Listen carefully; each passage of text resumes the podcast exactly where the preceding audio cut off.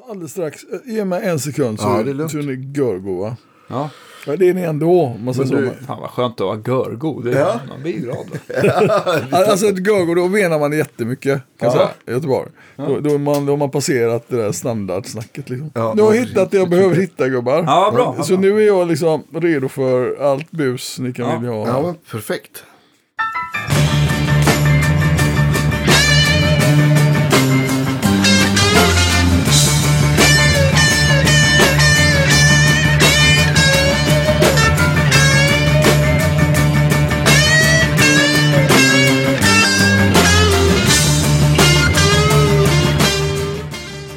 Var spelar du tennis då? I Spånga. Ja, Alltså det, det är så här att Oj, Jag verkligen. Ja, bor du där ute ja, eller? jag bor här ute. Ja. Jag har fått för mig bara att jag ska försöka bli jävligt bra på tennis. Ja. Så jag spelar typ fyra gånger i veckan nu. Ja. yeah. Alltså jag bara försöker, jag känner så här att, att om man kan kombinera eh, lite, att man tar hand om sig själv lite så här. Ja. Lite fysiskt så här. Och plus att man kan få vinna lite matcher. Ja. Så, så, det, så, så det blir dubbel, Ja, dubbel det finns lycka. ju lite gitarrister som spelar. Jag tänker på Ola Gustafsson och Ja, Mattias Torell. Torell. Och, Ja. Jag tänker en sångare som heter Andreas Novak. Bra, mycket bra på tennis också. Ja. Han bott i Åkersberga.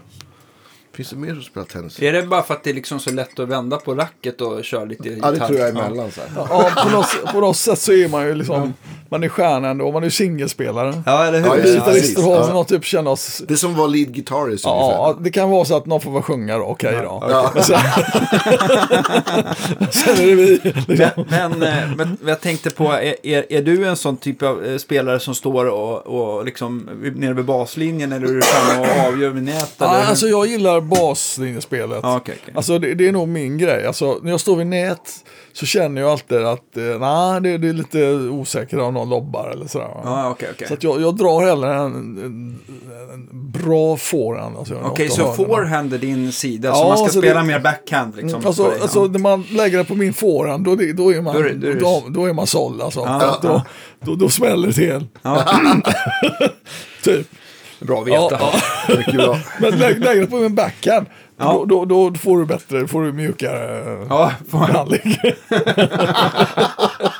Säg inte det till de andra bara. Nej, Ja, men vi stämplar in oss här. Ja, det gör vi. Heter det? Välkomna till Guitar Geeks podcast, mina damer och herrar. Ja. Eh, ja, vi, vi har som vanligt Andreas Rydman och jag, Daniel Cornelius. Japp. Eh, och idag har vi eh, så här en härlig dialekt, nämligen göteborgska, som man jämt blir väldigt glad av, tycker jag. Absolut. Och du har ju, fast du har ju bott här i, i, i Stockholm i många år, Mm. men, eh, men du har ändå behållit din fina breda göteborgska som man älskar. Får man säga, får man säga något nu? Ja, Ja, jag, jag ska säga här att jag har försökt prata stockholmska men det går inte. Nej. Jag klarar liksom inte av det. Nej, nej, nej. Jag har lärt mig härma många gitarrister men, eh, på gitarr men inte språk. Språkligt går inte alltså. Men det, det är bra. Nej, det är bra. Göteborgskan sitter. det är bra. Då eh, välkomnar vi Tony Borg helt enkelt. Ja, Ja. tack. Tack. Mycket trevligt. Ja, ja, och jag säger detsamma. Jättekul att vara här Ja. faktiskt. Ja, vi, vi pratade, vi, jag träffade dig, eller vi pratade om det här när vi hade klinik på Rytmus där du jobbar sedan, vad var det, 95? Ja, 95 alltså. Det var ett tag sedan. Fan, då måste man gilla sitt jobb om man har jobbat på samma ställe sedan 95. Jag, jag, kan, jag kan berätta för att innan det här hade jag knappt haft ett, ett vanligt jobb. Nej? Jag har varit musiker sedan jag var tonåring typ. Ja. Och försökte klara mig på det. Ja. Så att jag har, väl, jag har haft några jobb, några strö, ströjobb sådär då Ja. när jag var i tonåren. Men det här var mitt första riktiga jobb kan man Ja. säga. Ja. Så, så det blev bara det. Ja, visst var det skönt att få liksom en stadig inkomst varje månad, tänkte jag. Alltså det första jag tänkte på var vad, vad skönt att komma upp på morgonen, sitta och läsa tidningen och prata om vanliga grejer sådär, med människor. Ja. Sådär, att det var att man ramlar in i någon slags annan exotisk livsstil som jag inte hade varit i tidigare. Eftersom det var bara musiker man träffade då när man träffade Men jag tänkte ändå på Rytmus som är ett musikgymnasium så blev det väl ändå ganska mycket gitarrsnack kan jag tänka mig. Ja, men alltså, Även om det var vanliga människor. Ja, klart, alltså det blir det, men i och med att man har då ett, ett uppdrag att man ska ta hand om ungdomar och så, Ja. så var det ju fokus på elever och så i första hand. Just det. Och, och då inte fokus kanske på sig själv så är det jättemycket heller ibland. Och, och, det var något nytt så här. Men, så, men jag tyckte det var väldigt, väldigt häftigt. Så och, jag hade tänkt testa några månader och liksom Men nu har det gått några år. Så att, Men, men hur kom det sig att det blev Rytmus från första början? Var det, var det någon vän som rekommenderade dig eller, eller slog du bara upp dörren, sparkade upp dörren och, och sa här är jag nu? Ja, alltså, alltså, alltså, man, alltså man kan tycka det om man har lirat hårdrock så, men även vi hårdrockare kan vara rätt snälla och blyga och sådär. Så så gick det alltså inte till. Var, jag var på en kurs, en tredagars kurs i hur man arrangerar eh, blås, för det tyckte jag var rätt intressant. Och det var Kulturarbetsförmedlingen som frågade om man ville gå på den där. Gick tillsammans med Roger Palm bland annat, Ja, gamla. ABBA-trummisen. Ja. Ja. Det var några så här musiker som man fick eh, gå tillsammans med. Då. Och då var det eh, han som var då rektor för, för, eh, för skolan, för Rytmus, han heter Johan. Ja, De hade ju bara funnits något år innan där så att det var ju väldigt nytt. Och då frågade han mig, Tony du är ju gitarrist och sådär. Du har ett par elever där, de vill inte spela jazz och sådär så jättemycket. Och du är ju rock och blueskille och sådär. Kan du tänka dig att ta hand om dem? Det var två, tre stycken. Ja, ja, ja, visst, det kan jag väl göra ett litet tag. Kan vi se hur det går. Och jag tyckte det var jättekul. Ja. Att få visa andra hur man lirar och, och de var väldigt hungriga och motiverade och sådär. Så att eh, efter ett tag så frågade Johan, kan du ta ett par till? Ja, ja men visst, jag kan ta. Så till slut så hade jag då en liten tjänst. Den var inte jättestor, men det var en liten tjänst. Och eh, året därpå hade jag några elever extra så här och, och det var många som tyckte det var kul att gå hos mig. Och Ja. Jag försökte hitta en bra nivå eh, utifrån blues och rockperspektivet sådär. Och det var inte helt vanligt, kanske då på den tiden i alla fall. Eh, men så kom jag på det, ja, men jag kan inte sitta här och vara helt outbildad. Så jag bara på chans sökte till en, en musikhögskola som heter SMI. Och de tog in mig där, alltså jag kom och gjorde någon audition där och de tyckte det var okej. och sådär, så, att, så, så att jag gick faktiskt tre år och utbildade mig också. Just för att bli bättre lärare och sådär. För fortfarande var jag ju liksom mer då, gick ju på talang mer än kanske på kunskap. Men efter de tre åren så hade jag ju faktiskt en En stadig fått, grund. Ja, liksom. och, och fått någon slags typ av plattform i livet. Va? Man alltså, fick en titel, man var liksom musiklärare och jag var väldigt stolt över det. För jag hade liksom aldrig haft någon. Jag kände mig, jag hade mest känt mig som halvtaskig gitarrist så hela livet liksom. Som försökte hanka mig fram. Och, även om han hade någon guldplatta och sådär så, så tyckte jag ändå att det var häftigt att få bli någonting någon gång i, i sitt Ja. liv. Va? Och, och, och på den vägen har det varit. Och jag har liksom varit på rytm och tyckte att det var kul. Va? Men, men jag har ju alltså aldrig slutat spela utan jag har, Nej. gjorde jag ju jättemycket också. Eller har gör fortfarande ibland och så. Ja, det är svårt. Det jag tror jag inte... Det tror jag inte man kan göra. Eller jag kan inte göra det. Jag, för mig känns det som att det ska inte gå överhuvudtaget. Men, men alltså, jag tänker på äh, även Mackan och Lasse som vi har haft, äran har haft i podcasten. Lasse Jonsson Ja, och, och, Mackan Englund nu som var senast. Ja, de är ju fortfarande... De är ju aktiva som... Ja, eller hur? Också, ja, liksom. Att det verkar inte som att, att, att eran rytmusmiljö dödar, dödar intresset för att spela i alla fall. Nej, alltså det gör jag verkligen inte. Och jag menar, och det är ju häftigt att få, få jobba tillsammans med Lasse och Mackan och så. Och det finns ju flera, Håkan Knut alltså. Ja, visst. det är bara att rabbla egentligen. Ja. Det är Efraim kvar. Ja, Efraim, Han spelar absolut. mycket också. Så ja, det, är, ja. det är ju idel fina musikanter Ja, ja, ja. Och han är ju också jätteaktuell så mm. han utspelar jättemycket så. Så att jag menar, nej men det har blivit så att vi har blivit ett gäng på Rytmus och och det, alltså, och det är också tillåtet att få vara duktig musiker och samtidigt få vara lärare. Alltså den kombinationen tycker man är bra att, att, att, på Rytmus. Alltså de som eh, vår rektor Lasse som fattar de högsta, som stora besluten för oss. Han tycker att så länge vi då sköter då att vi ordnar vikarier när vi är borta och, och att vi gör ett bra jobb när vi är på skolan så tycker han bara det är kul och att han tycker det är bra för Rytmus att vi är ute och hämtar energi och så. Ja, men det, det är ju de, de bästa musiklärare jag har haft. Det är ju, de var ju mus, eller är ju musiker. Ja, och var ja. det de man hade dem som lärare. Liksom, så jag tror att det är en... Det är inget måste, men för mig har det varit... Jag tror att det är viktigt som du säger. Att, att få hämta energi och göra någonting utanför. För att om man undervisar så man ger ju väldigt Ja, mycket. liksom. ja, ja. Så kan det vara skönt att få tillbaka något. Få, få en applåd på helgerna höll jag på att säga. Jo, men, men alltså det, alltså det, på något sätt så är det ju så att de eleverna man träffar när de är mellan 16 och 18, 19. Alltså de blir ju våra kollegor sen. Ja, visst. Jag kan säga att jag träffar jättemånga, alltså det, man är ju på festivaler ibland sådär. Så, ja men tjänare, Tony säger någon sådär.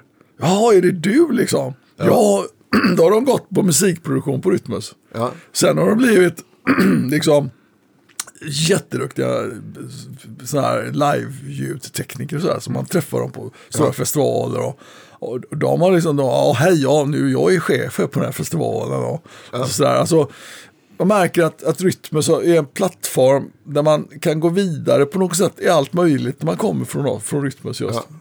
Att, att det, och, och, jättemånga av dem då man har sett som elever, de har blivit kollegor sen. Ja.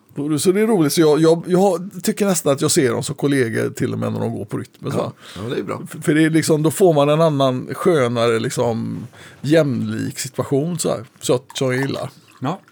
Ja.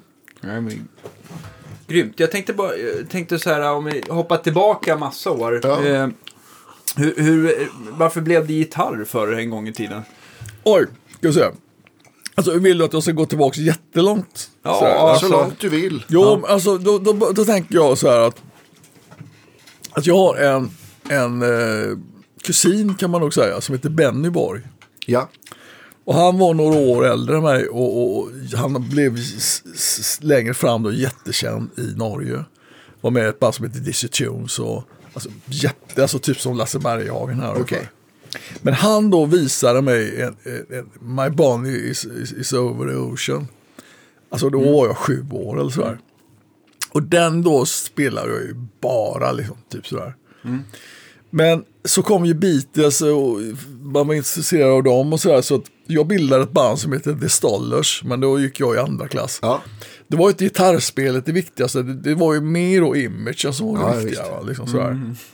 Men jag, på något sätt hade jag fastnat för det här så att eh, jag fick då någon kurs på eh, Hagström i Göteborg. Känner ni Okej. till Hagström? Ja, ja. Ja, ja, de Ja, fanns ja. ju utspridda lite.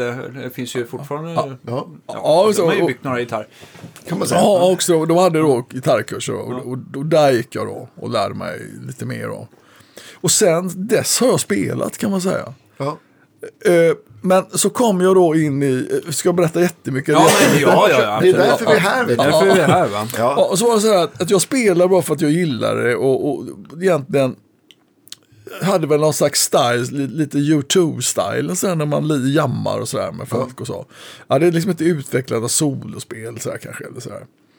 Men så kom jag till en punkt i mitt liv då jag hade tröttnat på skolan. Jag tyckte skolan var kass. Den gav ingenting. Så jag slutade, jag gick aldrig vidare till gymnasiet. Utan började, hade lite ströjobb och. Och, och hamnade väl egentligen i en känsla lite utanförskap. För de flesta människor gick ju vidare till någon gymnasium Ja, eller visst. någonting sånt där.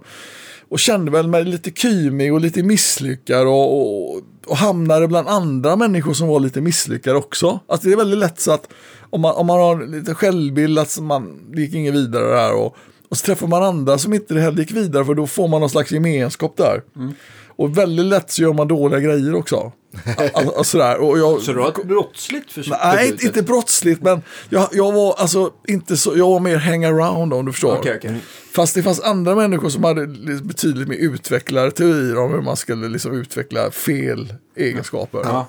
Och jag, jag kan säga så här att jag var med på lite grejer som gjorde att, att när jag väl liksom började förstå att det här var riktigt farligt.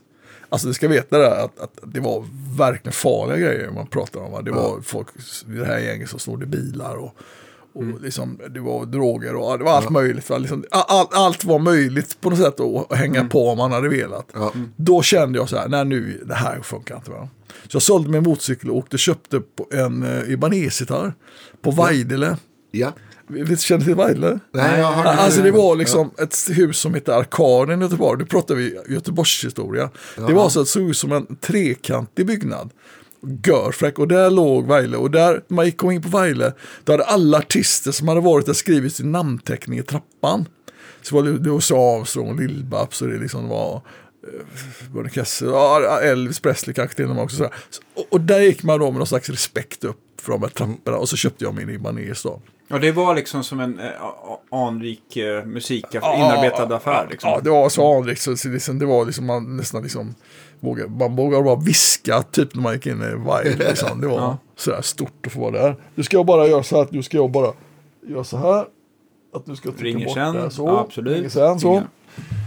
Och då är det nämligen så här att då börjar jag fatta att shit, nu ska jag försöka göra någonting bra. Så att jag började planka alla gitarrister jag kunde komma på som spelade blues. För jag kände Ja. att det var liksom grejen. På det sättet. det var Vem, vem, var, var... Ja, förlåt. Ja, jag blev så på när, när, ordet blues kommer fram då. Ja, då Då skiner du upp lite. Nej, men eh, jag tänkte på vem var liksom den första gitarrhjälten på bluesscenen? Ja, Alltså egentligen där? var Jimi Hendrix Ja, som hade liksom skakat om mig. Men Jimi Hendrix var så dyrkad så jag vågade inte ens analysera vad han gjorde. Jag kunde liksom bara ta paketet och bara Ja. tycka att det var bäst. Liksom. Mm. Alltså jag kunde liksom inte tänka att jag skulle liksom försöka skilja ut basen från gitarren eller liksom sånt sånt där, eller trummorna. Men är vi någonstans sent 60, tidigt 70 Ja, nu? då är vi, alltså nu är vi runt 70. Ja. Och, och, och där är liksom, och där är liksom, börjar jag känna att shit liksom, antingen så går det åt skogen för mig som människa. Det kanske det kan göra ändå, men det ska göra det med någon typ av ära. Så det satsar jag på att bli världens bästa gitarrist. Ja. Det var målsättningen. Och tänkte jag, för att bli det så måste jag börja då med de som är jävligt bra. Så jag, jag, jag kan rabbla lite bara namedroppa Ja, men Kör på. Och, och då lärde jag mig allting med, med, med John Mayers Bluesbreakers. Ja, och då fanns det liksom fler gitarrister där. Vil, vilken var favoritplattan? Ja, Ja, det var, ja, den där med kalanka tidningen på. Bino. Ja, den där va. Med- ja, med Clapton. Ja, ja, med Clapton va. För där fanns det liksom många av de låtarna som man kunde liksom spela utan sång också faktiskt. Ja. Det, var, det gick ju, det var då. Hideaway, Ja, Hideaway alla de där. Och, och, det var ju då alltså Clapton, allt med Clapton. Allt med liksom Peter Green. Då pratar vi alla låtar, det är ju ganska många låtar de här herrarna har gjort. Ja. Sen var det då eh, Mick Taylor. Eh, också då ja, Blues Breaks där va. Och, och eh, jag tittade på, mycket på B.B. King. Ja. Och det var ju också en jädra massa låtar, typ Thrillerskon och alla de där va. Eh, John Winter. Han var lite för teknisk egentligen för mig precis i början där va. Men, men det var, man ändå tyckte liksom att det som typ, vad heter han, Be careful with a fool och, och sådär va. Alltså det var ju, kände man, fixar man dem, då vågar man ju precis, göra precis vad som helst i hela livet. Liksom. Så, så att liksom, Ja. det var, man kunde klara av dem där, då kunde man ställa sig upp precis var som helst, när som helst och bara vinna. Ungefär som i tennis eller så. här, liksom. Ja. Så att min tanke var att kan jag knäcka koderna där, för säkerhets skull också så gick jag hos en italiensk klassiker till det som heter Rino. Okej. Han, han fick jag tag på vid någon, någon, någon sån här annons i Göteborgs-Posten. Och, och då lärde jag mig spela klassisk gitarr också. Ja. För det var all in. Så att när jag hade liksom betalat av då min avbetal, för det senare, något halvår senare så köpte jag en Les Paul. Ja. säga. En- den här. Ibanesen du köpte, Ja. vad, vad, kom du ihåg vad det var för modell? Ja, det var en, en Goldtop. Alltså som en Les Paul? Ja, som en Les Paul. ja, Ja, ja, Men den var så lik som man kunde knappt skilja den. Men, men så efter halvår senare så tänkte jag, nej det måste vara en riktig Gibson. Ja, På sätt. för det att jag känns hade, bättre. Jag träffade en, jag lärde känna en kille som heter Roy. eh, Som var väldigt duktig gitarrist. Mm. Och som hade en Gibson. Jag tänkte, det måste jag ha en riktig då. Så att jag köpte en Marshall, stack på mugg. Ja. Ja. En liten, och så köpte jag en, en Gibson Les Paul. Och, och sen tog jag privatlektioner. Eh, då var det den här Rino. Ja. Och så hade jag till ciggar och ett åkkort och sen var pengarna slut. Ja. Så det var liksom, pengarna gick bara runt, det var recycling. Så jag bodde med dem hos mormor och morfar och, och de Ja. höll mig med käk. Liksom. Så det var ungefär min livsstil där några år. Sen bildade jag då, ett, ett bluesband. Ja. Eh, som, eh, där jag givetvis kände att eh, det här var liksom rätt. För man måste ha ett band att spela i, annars kan man liksom aldrig testa om det funkar på riktigt. Och sådär. Så vi gjorde några spelningar där och, och, och jag lärde mig komma över scenskräcken och sådär. Så. Och precis då så kommer det alltså, eh, där kommer min vändning. Jag vet inte om du ska ha reklaminslag det här eller? Ja, Ja, kör bara. kör bara. Jag, tänkte, har ni reklam med Nej, detta? nej, nej, nej, nej, nej, jag tänkte om det gör kommer in reklam några- för dig. Det får, det Och får. så här, nej men då kommer Kan lägga in en trumvirvel. Jag tänkte om du ska sjunga en låt, liksom, någon Ja, diskmin eller så. Ja. här. Okej, nej men och, och då kommer, då, då hör en kille av sig från ett band som heter Vickivacki. Okej. Det var eh, några bröder som heter Gislason. Som hade skivkontrakt på gamla Polydor. Okej. Och som behövde en ny gitarrist. Och det var ju liksom grejen. För att innan hade jag ju liksom varit prog-Tony kan man säga. Jag liksom var ju lite mot allt kan man säga. Ja. Precis, alltså det var ju velour och ja, jag försökte liksom vara någon slags... Antimoderat. Ja, anti, anti, anti liksom på något sätt. Liksom. För att hitta Det någon var väl slags roll. tidens tand på något Ja, vis också då. ja, man skulle liksom vara anti-anti där. Men så hamnade jag i ett rockband. Och då kände jag shit liksom. Ja. Eh, här har en helt ny, de spelar amerikansk eh, rock'n'roll musik. Så typ Edgar Winter och Ja, Bad. Company och lite sånt, sånt där. Ja, de spelar de liksom. Att det var den stilen. Och då jag gillade också John Winter. Så här, för, faktiskt för, mest för hans sång skull. Okej. Och de var jag ute och spelade med och de blev ju liksom någon slags bekräftelse för att med dem åkte jag på eh, flera olika turnéer i Sverige. Vi var över i Köpenhamn och spelade. Eh, vi var över i England och turnerade några veckor. Och då på den tiden ska ni veta att komma till England det var ju nästan svårare än att åka till månen faktiskt. Ja. Alltså, och då åkte vi som utbytesband för Status Quo och Black Sabbath och kanske något sånt. Okej. Och, och säger jag Black Sabbath så spelar jag faktiskt förband till Black Sabbath på Skandinavium också. Yeah, vilket år? Ja, det var, det var vi, vi pratade vi tidigt 70-tal. Vad Ja. kan det vara 72 eller 73? Åh, vad coolt att se Ja. Sabbath. Och det var ju liksom på riktigt. Liksom. Ja. Och få stå på Black Sabbaths scen, det var ju liksom... Det var ju ett steg från att vara fullständigt utmanövrerad då som 16-åring. Alltså det kändes som att man har kommit en bit på väg. Och då var du så här 20 typ. Ja, no, ja. inte, nej det var nog inte. Jag 19, var 18-19 där någonstans va. Sådär. Så det var fortfarande jävligt valpig. Men i den åldern tycker man ju själv att man är rätt klar. Va? Ja. Så, att, så det gjorde jag. Jag var på Island, turnerade också. Eftersom de kom från Island så var vi där. Gjorde några singlar och lite sånt där. Ja. Eh, och då hade jag ju liksom, där hade jag kommit då från otroligt naiv, liksom vilsen tonåring med, med liksom nästan inga framtidsutsikter. Så hade jag förstått att musiken kan göra det här möjligt för mig. Ja. Det är inte kört va. Och, så det var ju en jätte... Men jag slutade där för att det- var ju så att de var bröder och de de hade, det som, de hade ju egentligen bröder så de kunde ha varje position i bandet. För de Ja, har så okej. många syskon och så.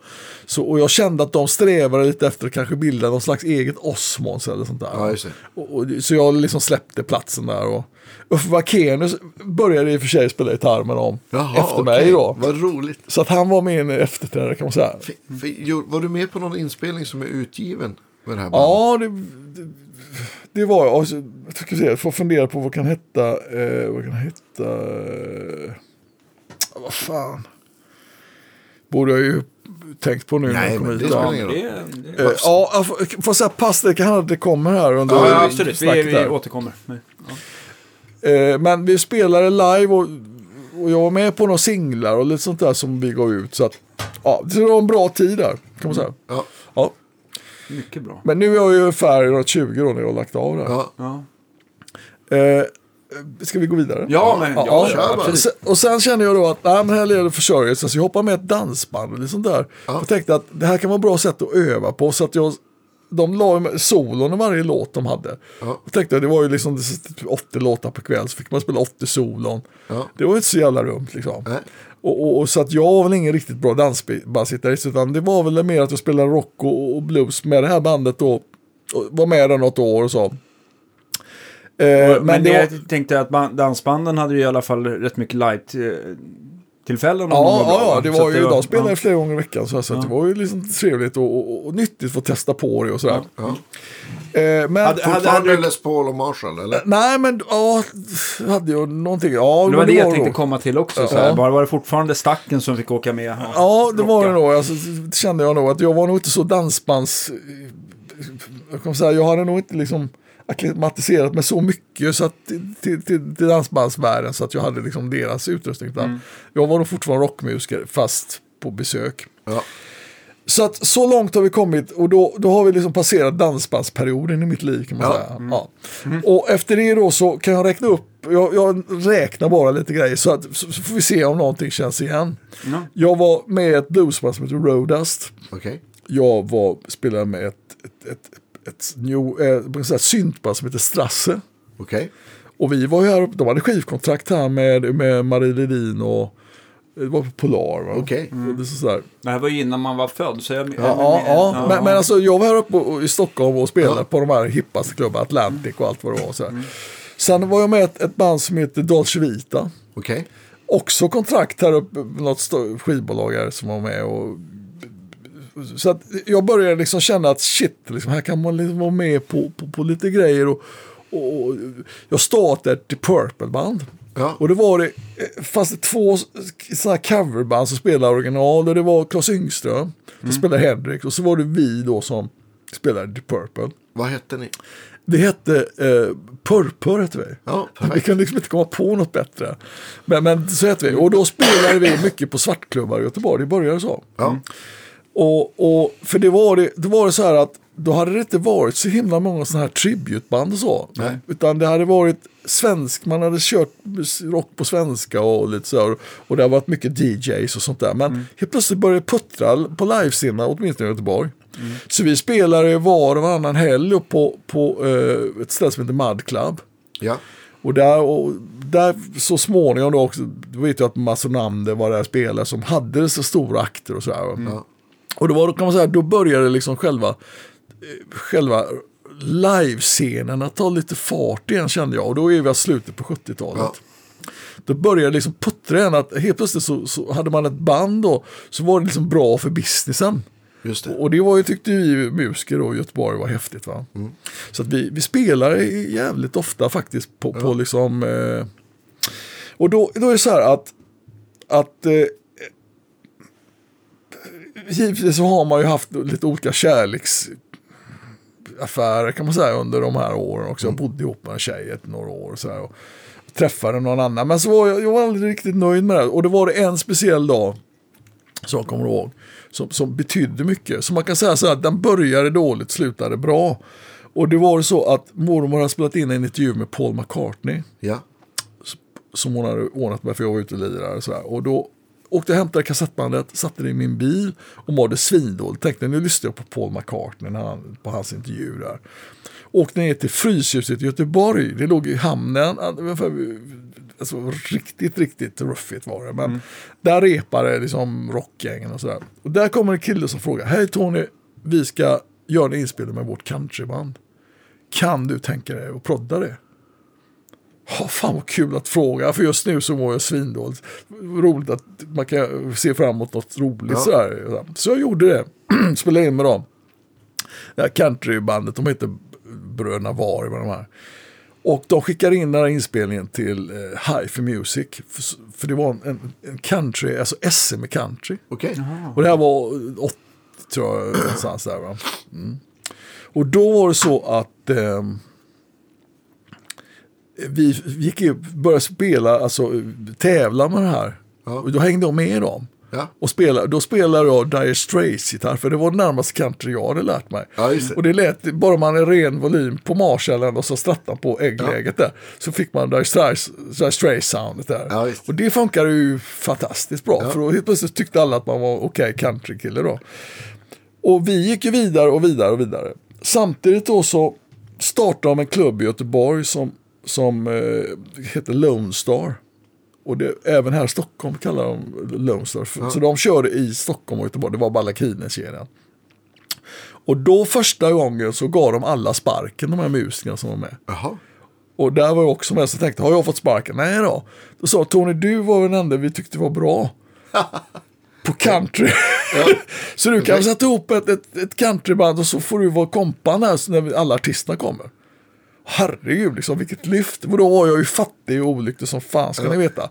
Och jag hade bara, jag var nere då och köpte på, på, på musikaffär. För då hade jag, jag måste säga också att jag var väldigt, jag hade haft mycket skulder precis då. Så jag hade haft en, hade en Goldtop 57 som jag hade köpt. Ja. Samtidigt jag bodde då i de sl- slumkvarteren i Göteborg så hade jag alltid värme på för jag trodde den ingick i hyran. Så att jag då eh, öppnade fönstret när det, var, när det liksom var varmt va? och stängde fönstret när det var kallt. Alltså det var enkelt.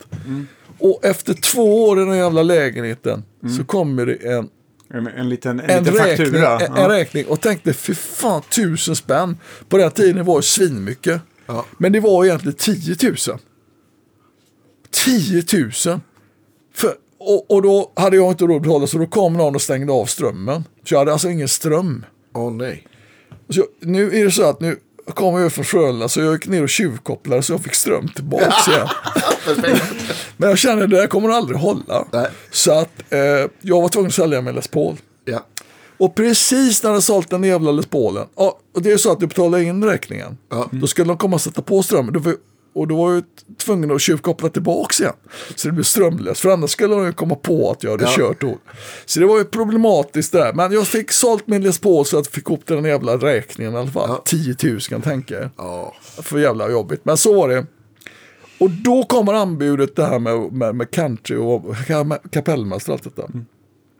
Så jag går ner och köper en, eh, en gitarr och jag frågar då, det var någon av de musikaffärerna. Hej, jag behöver en billig gitarr. Ja, vi har den för 1500. Nej, Har de billigare? Ja, du, det var en tjackpundare här nere som, han ställde en jävla kasse med någon gitarr. Fast vi fick den i delar, det var någon stratta eller någonting. Den kan du få köpa för 300 spänn. Ta hit den, fort som fan. Så att jag satte ihop den jävla gitarren så den bara lät. Och sen började jag som kapellmästare där. Ja. Då är det så att den här tävlingen fortgår. Så vi är med här uppe i Stockholm och spe spelar. Och eh, kommer till finalen. Med det här bandet. Ja. Så jag kommer tillbaka hit till Stockholm igen och gör finalen. Och den vinner vi. Okej. På min 300 kronors gitarr. Perfekt. Och vi vi alltså vann SM i country. Så det betydde att jag var med ute på sådana här stora countryfestivaler och sånt där. Ja. Eh, och, och blev ansedd vara fantastisk countrygitarrist, vilket jag inte tyckte själv. Men, eh, och eh, ännu bättre, jag träffade min fru som jobbar, på, jobbar som hovmästare här uppe i Stockholm. Okej. Så att jag fick kompa alla, alla stjärnor, var Carola, det var Kikki Danielsson, alla möjliga man kan tänka sig som ville göra countryjobb. Jag lärde känna, fick spela upp med Robert Wells då, som också varit med i countryband och, och ett par till. Örjan Englund var, höll i det rätt mycket och sådär. Lärde känna jättemycket människor där. Och träffade en kille som heter Jan Ellerås. Som jobbade som radiokille i, i Göteborg. Ja. Och det visste jag ju inte då. Men det visade sig att den kontakten med, med Jan Ellerås kom, blev sen jätteviktig för mig. Ska du ha reklaminslag nu eller? Ja. Ja. Eller vi- virveltrumma. Ja, eh, jag vet inte, bandla på för mycket. Nej, nej, nej, nej, det är nej, nej. Alltså, vi har Kör. inga reklampauser bara för att man ska kunna få... Ja. För, för nu har vi liksom klarat av, nu, är liksom, nu har vi gjort country. Nu, alltså, alltså, från den där fantastiskt misslyckade människan som inte trodde någonting om sig själv. Så har man från allt annat så har man också blivit någon slags country identitet, vilket jag inte förstår än idag gick Ja, det är ro, roligt hur livets Ja, vägar. ja, Men det var, bara- alltså, jag kan säga, tipset till alla ni som sitter då, det är att växla om då från rådis på guran till äggläget på ren, ren sound äggläget på strattan. Så helt plötsligt så låter det kanske. Men vad... Precis. på något sätt va? Ja. Och då eh, så pratade jag om att, eh, sen var jag ute och åkte med ett band som heter EF Band. Okej. Ett band från Göteborg. Vänta, du, eh, du, du träffade din fru här då du Ja. var uppe och spelade. Ja, men men- flyttade du upp då? Eller bodde Nej, du kvar nej, i nej. Göteborg? Ja. Det blev aldrig ihop. Nej, För jag kände jag hade fortfarande ingenting att erbjuda henne egentligen. Så att det var en kontakt vi fick och vi Ja. lärde känna varandra lite och så här. Detta sen 85 så hörde hon av sig till mig. Jag kan berätta det senare. Men innan dess var jag ute med EF Band och lite sånt där. Och, och, Ja, och, jag har en fråga till också. Ja, ja. Du, du nämnde eh, Purpur där. Jag vet ju att du är en, en, eh, en, en stor Blackmore-fan och Deep Purple-fan. Ja, ja. Hur- När upptäckte du Deep Purple? Var det alltså då, då de kom eller? Ja, men, jag, Eller är det en story i sig kanske? Nej, nej, jag får erkänna här för dig att jag var på en fest när jag var sådär 17 år då. Ja. Och då var jag mitt inne i min Clapton-period. Ja. Och då sa, satte någon på med din Japan Ja. för mig och sa Tony lyssna på det här. Då sa vad är det för jävla skit liksom, det ska vara blues. Och, men så kände jag fan det var ju rätt bra ändå där. Så Ja. i smyg då så började jag liksom lyssna på The Purple. Jag tänkte, vad fan, roligt. Ja, ja. Och då ska jag berätta så här att bara för att visa dig att, att det, ingenting är gratis så köpte jag Machinad.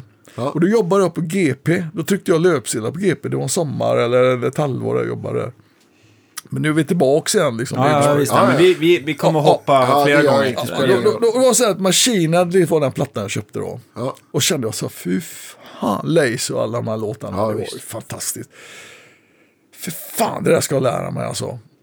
Så att jag satt liksom när jag kom hem då tryckte de jävla löpsedlarna så satt jag på morgonen och tänkte så här. Nu ska jag kunna spela hela skivan rakt igenom. Och klarar jag inte det så måste jag börja från början igen. Så att ibland Yeah. satte man ju fram Så de första två låtarna har de satt jävligt bra. Ja, alltså, så här. Men, alltså, och då satt man ju fram till lunch ibland, alltså, du vet. Snacka om jetlag liksom. Och sen börjar man ju klockan sex på GP igen och så fortsätter man där och, och, och bli eller vad. Och så nästa dag igen. Det innebar att, att jag lärde mig den plattan så jävla bra så att jag har ju den, alltså jag behöver aldrig repa på de låtarna när jag ska berätta. Alltså, Jag skulle kunna spela hela plattan rakt av fortfarande tror jag. Fantastiskt. Så att det var ju någon slags hjärntvätt. Men alltså, Ja. det är ju så att när man är fattig, olycklig och, och, och, och inte tror någonting ska kunna funka så, så, så kan man åtminstone göra sitt bästa. Och jag kan säga jag gjorde mitt bästa i alla fall. Ja. Så, och det fick jag med mig då. Så sen när man skulle då starta det här Purple så hade man ju liksom hela repertoaren liksom princip Ja. fixad redan. Va? Det var inte bara låtar från Machine Head då? Nej, det blev lite annat. Men alltså, och, och, och då spelade vi alltså jättemycket. Vi hade med Olle Nyberg på keyboard Ja, bland annat. Och han, alltså, så det var ju inget skitband på något sätt. Det, där. det var liksom bra. Men, men, men hade du, med det bandet, var det liksom eh, en, en stratta givetvis? Eller hade du Les Paulen Nej, på? nej, nej, i början hade jag faktiskt den här eh, Goldtoppen då. Ja. Första man kände nej, det, kan- det stämde ju inte riktigt så det fick bli stratta sen. Då, va? Och man kan säga så här att, att sen dess har jag egentligen kört för det mesta på stratta. Ja. Så här. Men alltså, nu, nu var vi framme vid EF Band där. Ja. Kommer du ihåg det? Så ja, ja, absolut, och det var en kille som hette eh, Bengt Fischer och, och så var det en kille som hette Per som höll i det där bandet. Då. Eh, Och där hoppade jag med då, var med något år och åkte på turné. Vi gjorde lite tv, någon gång. vi gjorde guld, hette det Guldslipsen eller?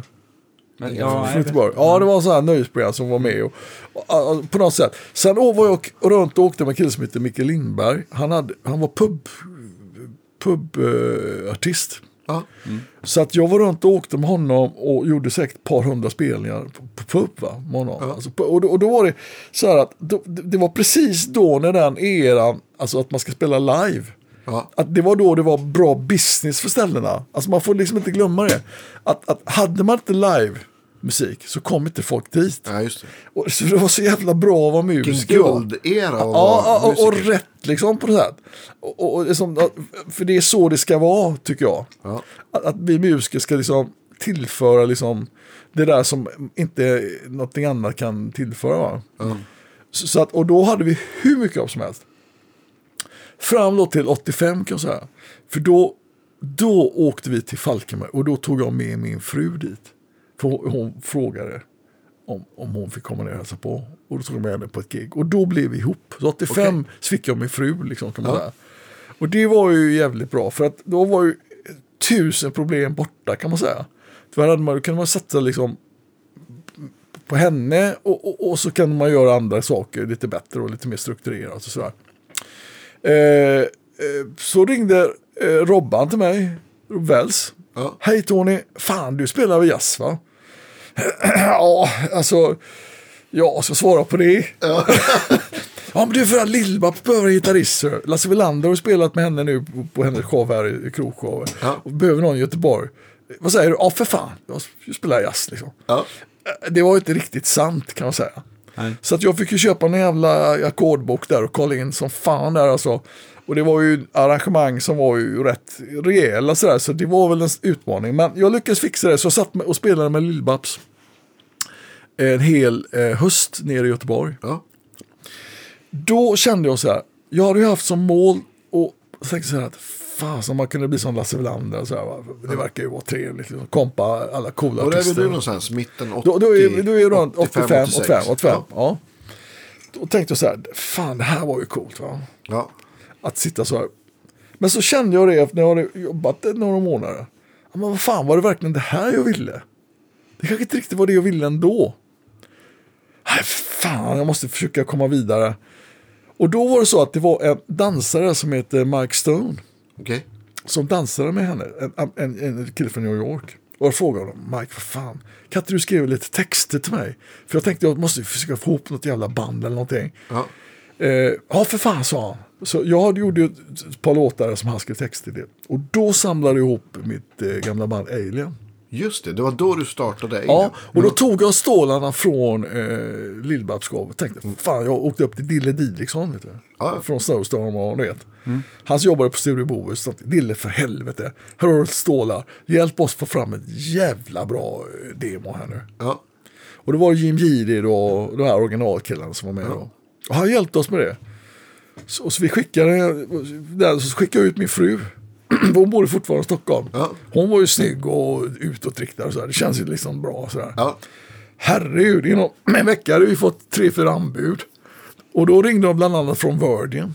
Ja. Som hade precis hade liksom etablerat sig här i, i Sverige då. Ja. Kille som heter Anders Hjälmtorp. Jag vet inte, känner ni till honom? Nej, jag, Men, men det var i- det var precis i början då när de hade startat.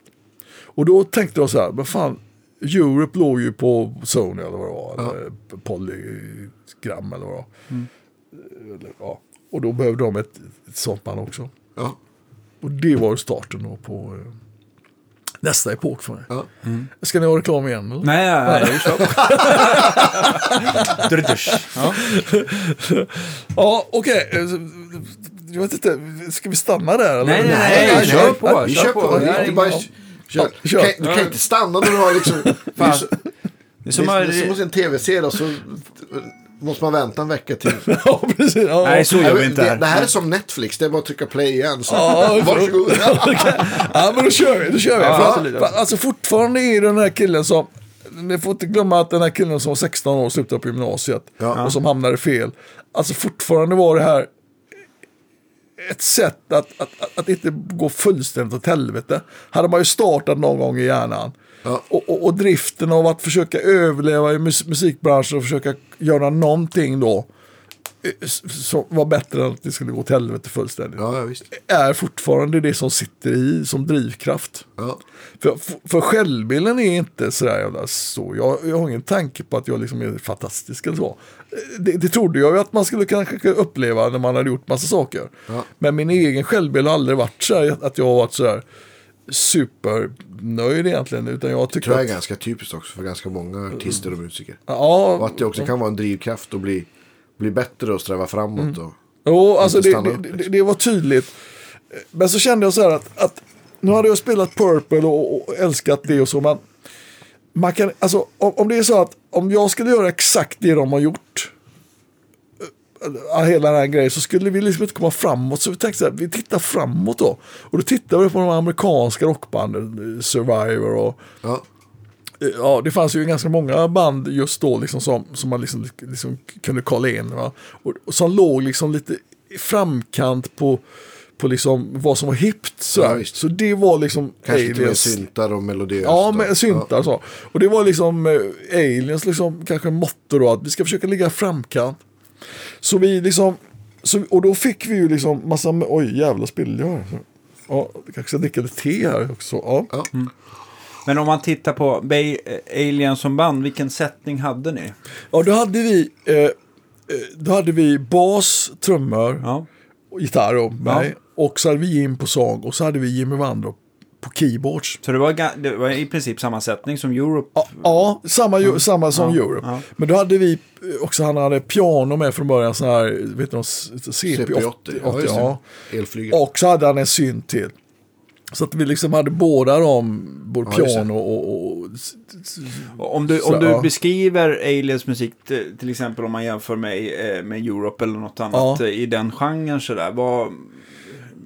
vi, vi säger att om, om, vi säger nu, nu var jag väldigt sådär, men om... Nej men det är ju från din egen, det, är Ja, det ja. vill höra. Men om Europe gick mer mot Makishenko om du tänker dig. Ja. Om man skulle säga att de gjorde det i, i sin, i sitt sätt att utifrån gitarrperspektivet i alla fall. För det är ju char-based alltihop. Mm, Ja, så var vi mer åt amerikanska eh, listrocken så att säga. Alltså den här, västkust. ja, den här, eh, ja, västkustrocken va. Alltså inte Toto, för, för det Nej. tyckte vi var lite för komplicerat och sådär. Men, men, men, Och lite åtminstone- snällt Ja, kanske ja, också. ja. Säger, Journey. Journey, ja precis. Alltså den rocken som låg toppade Amerikalistan. Ja, sådär. Foreigner absolut Ja. va.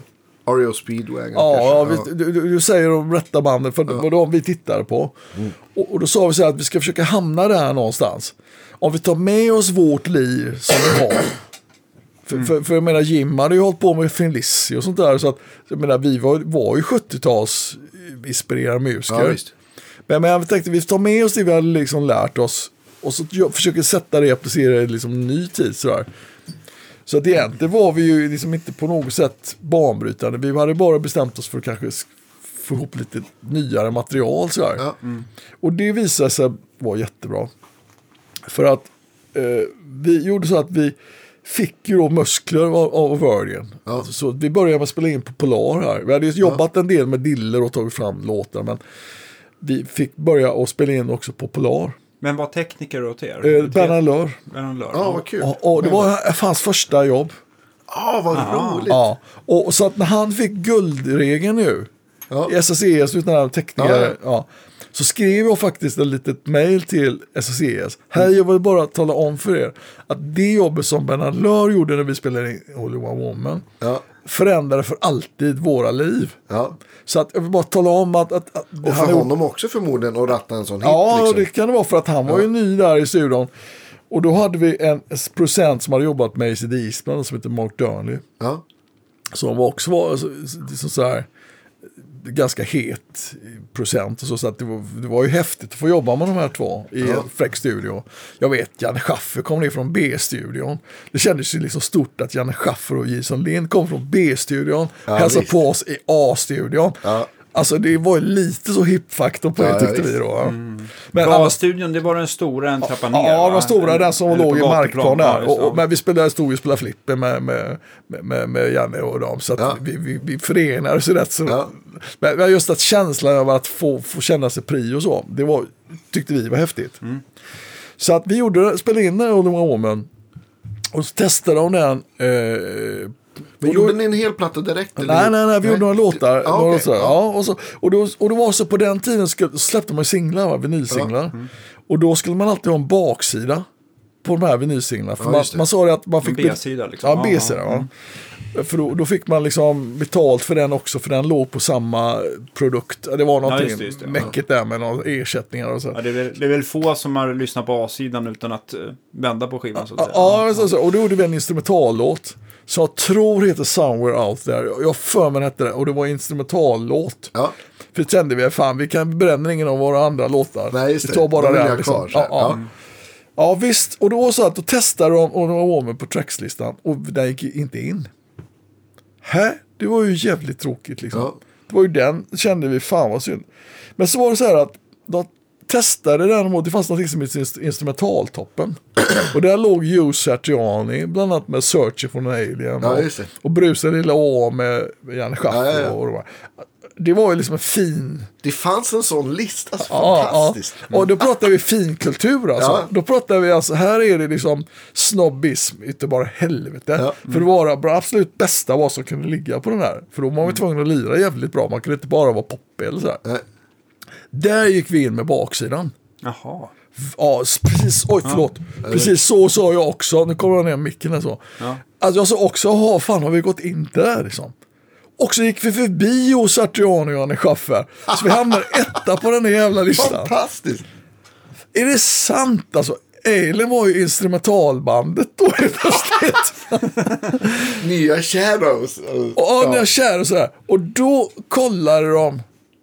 Då vände de tillbaks och sa, men vad fan det här är ett bra band ju. Och då testade de oss på, på tracks. Ja. Precis när de testade oss på tracks, då har de bestämt sig för att de ska skicka över oss till Los Angeles för vi ska göra en platta där. Ja, vad kul. För, för det var ju då på den tiden låg dollarkursen, ska man erkänna också, så bra till. Ja, Så att det var en bra affär att skicka över ett band. Just det, jag fattar. Men det var ju ändå lite bökigt. Så här. Man, man gjorde väl lite hur som helst. Men det, det, var, det, var inte, det var ingen helt dålig affär heller för Virgin. Och plus att Virgin hade startat i USA. Så det var politiskt korrekt att skicka över ett band till dem. Just det. För vi hade nämligen ett worldwide-kontrakt. Okej. Och det var ju så bra att ha. Ja. Så vi åkte över dit. Och så, då hamnade vi eh, på ett lägenhetshotell och, och hämtade I oss- LA? LA va? och, och, och hämtade oss med limousin. Och, Och nu är det typ 86? nu är vi 80, 88. 88? Ja. Och då är det så 88 precis på våren. Där. Det var typ som nu nästan så här. Så åkte jag över. Nu ska se bara. Jag ska bara göra så här. Att jag ska ta och trycka på den. Och vi ringer. så. Ja. så. Ja. Och då är det så här att då kommer vi över dit och spelar in, börjar spela in i, i, i en studio som heter Sound City. ja, just det. Det är Hyfsat otroligt legendariskt. legendariskt. Och då kände vi så här, vad fan vilken ris, vilken risig studio det här var då. Ri- så, tänkte, Ja, sa du risig? Ja, risig tänkte vi först. Fan, ska det inte liksom vara som tinnar och torn och guld och så? Ja, ja. Liksom. Ja, var det här verkligen Los Angeles? Sådär. Men så visade de oss, liksom, de, vi gick liksom lite bakom sådär. Och sa så här har vi hela vårt lager med, med sådana här tvåtumstejper. Vet Ja, visst. Det var ju det som gällde. Va? Och det var ju bara Fleetwood Mac och, och alla möjliga sådana här Ja, rumors och sådana här som stod på band där. Reed Speedwagon bland annat. Ja. Och, Rat, allt ja, möjligt. ja, allt De- möjligt. Och, Det finns och en fantastisk dokumentär om den studion. Ja, ja, ja, ja, ja. stickspår här. Men, ja. Ja, just, och, och, och, och, du vet, och, och, så, och man mötte man liksom också då, då som de som skulle spela in där. Det var ju Wings som kom där. Va? Kommer Wings här? Oh, shit. Jaha, ja, det var nog inte så taskigt studio ändå. De fick kommit på då. Men, men, men jag tänkte när ni ändå hade riggat upp grejerna och, och fick lyssna på när de började ratta alltså slaskmixar och sånt där. Kände man så här att de här killarna har koll på, eller var, koll på läget och fan vad bra och lätt jobbat där? Eller vad, vad var intrycket? Alltså intrycket var nog att, att, eh, att det fanns en väldigt starkt självförtroende bland de som jobbar där. Ja. Man fattar att de hade, det var inte första gången de liksom tog fram en guldplatta så att säga. Alltså, de, alltså det, det, det var, vi hamnade nog, allt var självklart på något sätt. Ja. Det man jobbade med skulle liksom bli en, framgång. Ja. Och det kändes Ja, men som det är man var lite så där. här amerikansk vinnare. Ja, ja, de hade det. Och, och, och det, det var stor skillnad för att eh, de drev ju detta på ett helt annat sätt än vad vi var vana vid där. Det var inte så mycket jante helt Nej, enkelt. nej, det var inte jante utan det var bara självförtroende jävlar och, och sådär. Eh, det jag minns då väldigt extra mycket, det var ju liksom att på den tiden hade man inga mobiltelefoner Nej, och inga mejl heller. Utan man hade fax eller telefon. Och då hade de en studiotelefon där. Och vi var ju flitiga på att ringa hem, för då hade man ju fruar och flickvänner och sånt där som man ringde till. och de började snea ut på det på studion. Det kostade ju svinmycket när vi satt där och pratade. Ja, nu är det min tur liksom. Ja, men fan, inte mer än en halvtimme. Och, och då kanske det kostade liksom förmögenhet per minut. Ja. Så de börjar ju liksom undra vad fan vilka räkningar det blir här på något sätt i studion. Så att vi fick fax istället. Och då fick vi fax. Ja, hej. Eh, nu har eh, Uno Woman gått in på 15 plats på trackslistan. Åh, oh, yes, yes, yes, yes, yes, känner man liksom. Vad kul. Ja, nu har hon gått in på 12 plats. Och så där höll det på. Vi var ju där ända alltså från januari, februari fram till maj i princip. Va? Ja. tror vi kom hem i början på maj. Där. Och, och medan den tiden hade gått då så hade vi gått, vi hade, vi hade breakat i Sverige.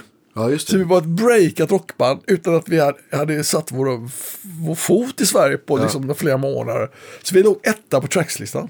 Och det var ju så jävla tungt. Ni ska veta att, att då fanns det i den listan och det var den som var talade om vad som var bra eller vad Ja, som ja, var framgångsrikt.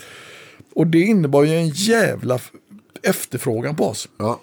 Så när vi kommer hem då, så är det så här att du, du pratar ju om detta som om det vore helt fantastiskt. Det var ju fanns en viss ångest Ja, i men det det är också. härligt tycker jag. Man får ja, ja. det så här dröm, drömmande och fint. Ja. Alltså då är det så här att, att då har min fru precis, alltså hon är nionde månaden. Och där kommer man hem, alltså du, jag, jag hade shoppat så jävla mycket. Och säger, du fick ju sådana kontokort som man kunde shoppa också. Så hade jag ju en Transam, jag hade köpt ny klädsel till den i Los Angeles. Det tänkte man måste man köpa va. Och köpt två Marshall-stackar hade jag med mig. och, Som du jäv- flög hem? och, och gurer. Ja. Och du vet, och så kommer man då sin, i sin, i sin leopardjacka på flygplatsen med mörka solglasögon. Och så, så ska man gå och hämta allt ut, allting man hade med sig. Som, det får man liksom bagage. Ja, just det. Och det var ju som, rullade in låda efter låda där. Alltså, på, på flygplatsen så man fick hämta med mig någon jävla van eller någonting för det var så jävla mycket grejer man hade köpt med sig. Alltså det var ju, man hade åkt ju dit som, kan man säga, på något sätt person som bara hoppas att, tänker det var kul om det kunde funka detta. Till att man kommer hem med, med två kompletta Marshall-stackar liksom. Ja. Och så en leopardjacka och man hade ju blivit lite amerikaniserad kan man säga. Ja. Och det var ju jätteroligt. Eh, för sen då så, precis man kommer hem och, sätter, och, och, och precis då sätter sig vid telefonen så ringer det från ett produktionsbolag som har bokat en jävla massa eh, jäkla massa spelningar. Eh, för vi hade ju fått, ett, vi låg etta på alla listor, försäljningslistor och allting. Så vi hade Ja. en, Med singeln då? Ja, med, med singeln Ja. Och vi hade ju 60-70 spelningar, folkparkerna inbokade. Ja. Och det var Liseberg och Gröna Lund och, och alltså det var helt makalöst liksom. Ja. Hur det kunde gå till. Och det var ju liksom okej var ju där och de var ju där och gjorde reportage med oss direkt när vi kom hem. Och, Ja. och, alltså vi blev lyfta till skyar. Ungefär som man hade fötts precis just då. Ja. Att det hade inte funnits någonting innan. Nej. Man blev född som, ungefär som Barbie-dockorna. Liksom. De var klara och liksom färdiga och alla egenskaper fanns direkt i Ja. tillverkningen. Så kände vi det lite. Här hade man harvat en jävla massa år med Clapton och allt vad det var. Ja. Men det räknades liksom inte. Utan det var precis dagen D när man gick in som etta på Tracks-listan. Då fattade alla att man var duktig gitarrist och allt Ja. sånt där. Så då fick man ju spons på liksom eh, Heimer-gitarrer och liksom. Ja. Ja, det var ju liksom inget, det var liksom inget slut på alla som ville liksom hänga på och stötta en och sådär. Kommer du ihåg när du spelade in där i LA? Vad du spelade på för grejer? Ja, det var alltså på en Heimer bland annat. Ja. Eh, En, den var var min... ga- det var ju lyxiga gitarrer, alltså de, det var inga Fan, billiga det- pjäser. Det, det var alltså en Heimer Chaparral. Ja. Just det. Den, den var alltså super, det var alltså lyxversionen där alltså. Men Men vad, vad, vad det, alltså det, jag tänker Heimer Chaparral, då är det väl ändå, det är hockeyklubba och Superstratta och Floyd Ja, och, ja, och sådär. ja, Men, ja. men, men jag kommer inte ihåg om de har genomgående, men jag har för mig att de nästan alltid har skruvad hals, de där Heimer. Ja, ja, fast den här riktigt, riktigt dyra modellen. Ja, Så den skickar de ju till studion i Los Angeles. Alltså typ till, eh, till Sun City. ja. Ja. Och, eh, och, då, eh, och då fick man den liksom. Den kom med bud va. Ja. Sådär. Sen spelade jag på eh, en, en svart eh, stratta. Mm. Eh, jag spelade på eh, en eh, Telecaster också. Som hade studion. Ja. Vissa grejer, vissa komp, lite renare komp och sådär. Ja. Men sen hade jag ju Marshall eh, eh, utrustningen och så hade jag en Ibanez tubeskruver. Ja. Som jag fortfarande har kvar. Ja. Så vad var jag hade. Ja. Är det någon av de här, uh, Marshall har ju gjort uh, ofantligt, uh, inte ofantligt, men ganska många modeller och sådär. Var det någon som du har liksom har förälskat dig i extra mycket? Eh, Med Marshall, alltså jag, det är så här att, att, att jag, ska, jag ska erkänna för dig Ja, att jag har en stark kärlek till Tommy Folkesson. ja, Ja. Och, och då känner jag så här att Tommy Folkesson blir nästan viktigare än, än, än ursprungsförstärkarna så att säga. ja jag förstår. Ja. För att han gör, han gör så magiska grejer med de där. Jag vet inte om ni testat hans grejer någon Ja, gång? Ja, ja, ja, ja, han är fantastisk. Och, och, och, och, då, och jag fick en relation med honom faktiskt precis då med, med precis när vi kom hem där. Med Ja. Det var precis det. Jag kan inte säga exakt det men, men, men jag hade använt hans grejer rätt mycket där. Men, men det var det här, vet du, de här, de här första utan mastervolym och sådär. Så ja, plexi, alltså, Ja. den, fast inte... Ja. Sådana hade jag ju under hela tiden. Liksom. Jag hade ju ingen, ingen mastervolym på mina grejer. Utan jag vände ju bara högtalaren inåt när det blev för starkt. Va? Det var liksom... Så, Vände så- mot trummisen. Ja, men, ja, men så, så vinklade jag ut den lagade mycket så man hörde sig själv. Alltså det var, ju- funkar ju hur bra som helst. Så jag hade ju aldrig någon master eller någonting. Jag hade inga pedaler egentligen, ingenting. Jag hade bara mina grejer som jag Ja. körde på. Liksom. Men, men där, jag hade utvecklat lite grann sådär. Och det, det blir ju lite mer svårspelat ska man säga. Ja, när man inte och- har några hjälpmedel. Så att jag kom ju på det att lite pedaler sådär gör ju inte ont va. Alltså, de underlättar ju att få fram det man vill kanske sådär också. Ja. Men, men, men eh, annars så har jag ju sen dess använt ganska mycket Tommy Folkesson-grejer. Så det. Jag har en gammal, en riktigt jävla gammal eh, sån här JMP 1 hittar de väl. Den är ändå en mastervolym Ja, helt enkelt va? Ja, det är med mastervolym. Ja. Men, men eh, den är från början av 70-talet. Den här. Så, sån har jag faktiskt. Ja. Äger jag en, en sån hemma. Och, men den får jag aldrig åka med på turnéer och sådär. Utan den, den står mer som en... Men har Folkesson, Folkesson varit inne i den? Nej, och- nej, den är original. Den är original. Ja, det är sån här, du vet, sån här, du vet, du vet, på baksidan så är det såna här grejer som man ska sätta i. Vet du vad jag menar då? Ja, men alltså för för, för, åmen, precis, ja. ja. Och sen är den här kontakten som, som är för eh, strömmen, den är rund. Ja, just det. Så det ser ut som ett litet rör med tre pinnar så passar den bara på ett sätt där. Ja. Och, och, och, och då känner man ju att shit, sån där får man ju inte tappa bort alltså. Nej. Det är svårt att gå och handla den liksom, ja. handla sån igen. Så, så, det, så den är ju speciell den förstärkaren. Ja, den har jag ju mer när jag sitter och gör grejer hemma och så. Nej, men den är, jag, jag kan tänka mig varför Marshall gjorde den som, som, som för det är ju en slags exporttrafo så att du kan Just ställa, Ja, ja, får man ju ställa om vilket land man kommer till va? Annars Mm. blir det ju, annars blir, kan det ju säga, hända poff. och Men, men den här. OM-historien där, den är ju inte så, den är lite dum om man tappar den. Ja, För det är något system, det jag vet, man ska sätta, det ska vara någon slags brygga över det på något vis. ja va? precis. Nej, men man, man vill ju ha rätt, rätt eh, att, att eh, det ska matcha lådans last helt enkelt. Mm, och så att man får ut rätt, rätt watt helt enkelt. Precis. Ja. Och att stärka må bra. Ja, ja visst. Mm.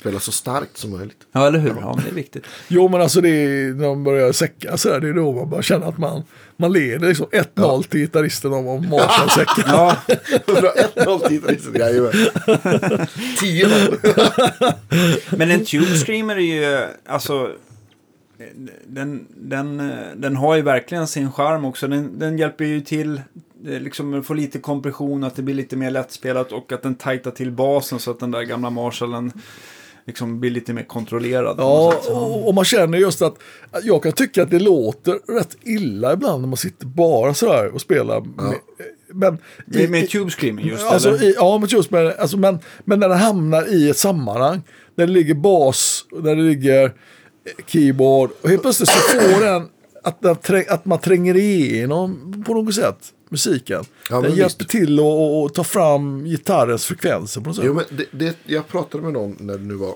kanske i, i lördags. Eh, om, ja, men just det här med många, om man tänker just så här, plexiljudet är liksom så här en, en term som slängs ganska mycket. Och det, det är ju det är ett ganska, om man har spelat på en sån stärk så vet man att de spelar ju fruktansvärt starkt och det är ganska elakt.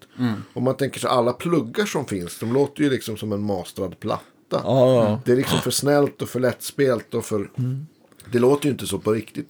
Men där tycker jag faktiskt, där har UAD har ju gjort med svenska Softube.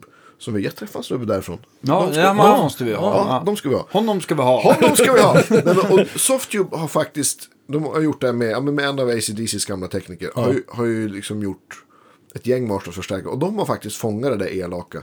Jag kommer att tänka på det nu när du säger det här. Att, det kan, att man kan uppleva att det kanske inte det låter ganska illa. Men om du sätter det i ett sammanhang så, så bara sitter det där. Men många, jag tycker också någonstans att, att en Tube Screamer, alltså den var ju liksom inte riktigt tänkt som, som en overdrive mot en clean stärk. Utan det var ju för att, för att lösa problem med distande förstärkare. Typ Ja, gamla Plexis eller Fenders eller sådär. När, när det blev för brötig bas och, Ja. och man ville ha mer gain liksom. Så att eh, den är, var gärna för att stacka med någonting som redan. Precis. Och då, ja absolut. Ja, men då är det perfekt. Nej, men det var, alltså, om man kan säga så här, det var väl nog mer en slump att jag råkade testa den. Och så kände man, shit vad bra, vad enkelt det var att få till gitarren i, i sitt sammanhang. Ja. Och så blev det lite mer också för pengarna. Så där. Man bara tryckte till och helt plötsligt så fick man lite mer, ja som du säger, lite kompressorkänsla i sådär på något sätt. Men det är lustigt alltså, just jag upplevde det själv för att jag har ju en Tube Screamer nu på mitt bord och jag har jag har ju oftast använt dem i och för sig mot rena stärkare och sådär men det jag tycker ibland så är det nästan bara den pedalen som har funkat på grund av att just i ett sammanhang så liksom poppar ur lite mer och man hör, man får lite mer tydlighet till vad man själv gör liksom, utan att det krockar med resten av bandet sådär. Så att, ehm, Ja. ja. men det alltså just vid so solospel så är det ju gött att man känner att, att, att när, man, när man får en touch, när man touchar strängarna så, så, så, så får man svar, så svarar det på något sätt. Ja. Det, det, det, det, om man ska spela lite snabbare teknik och så, Ja.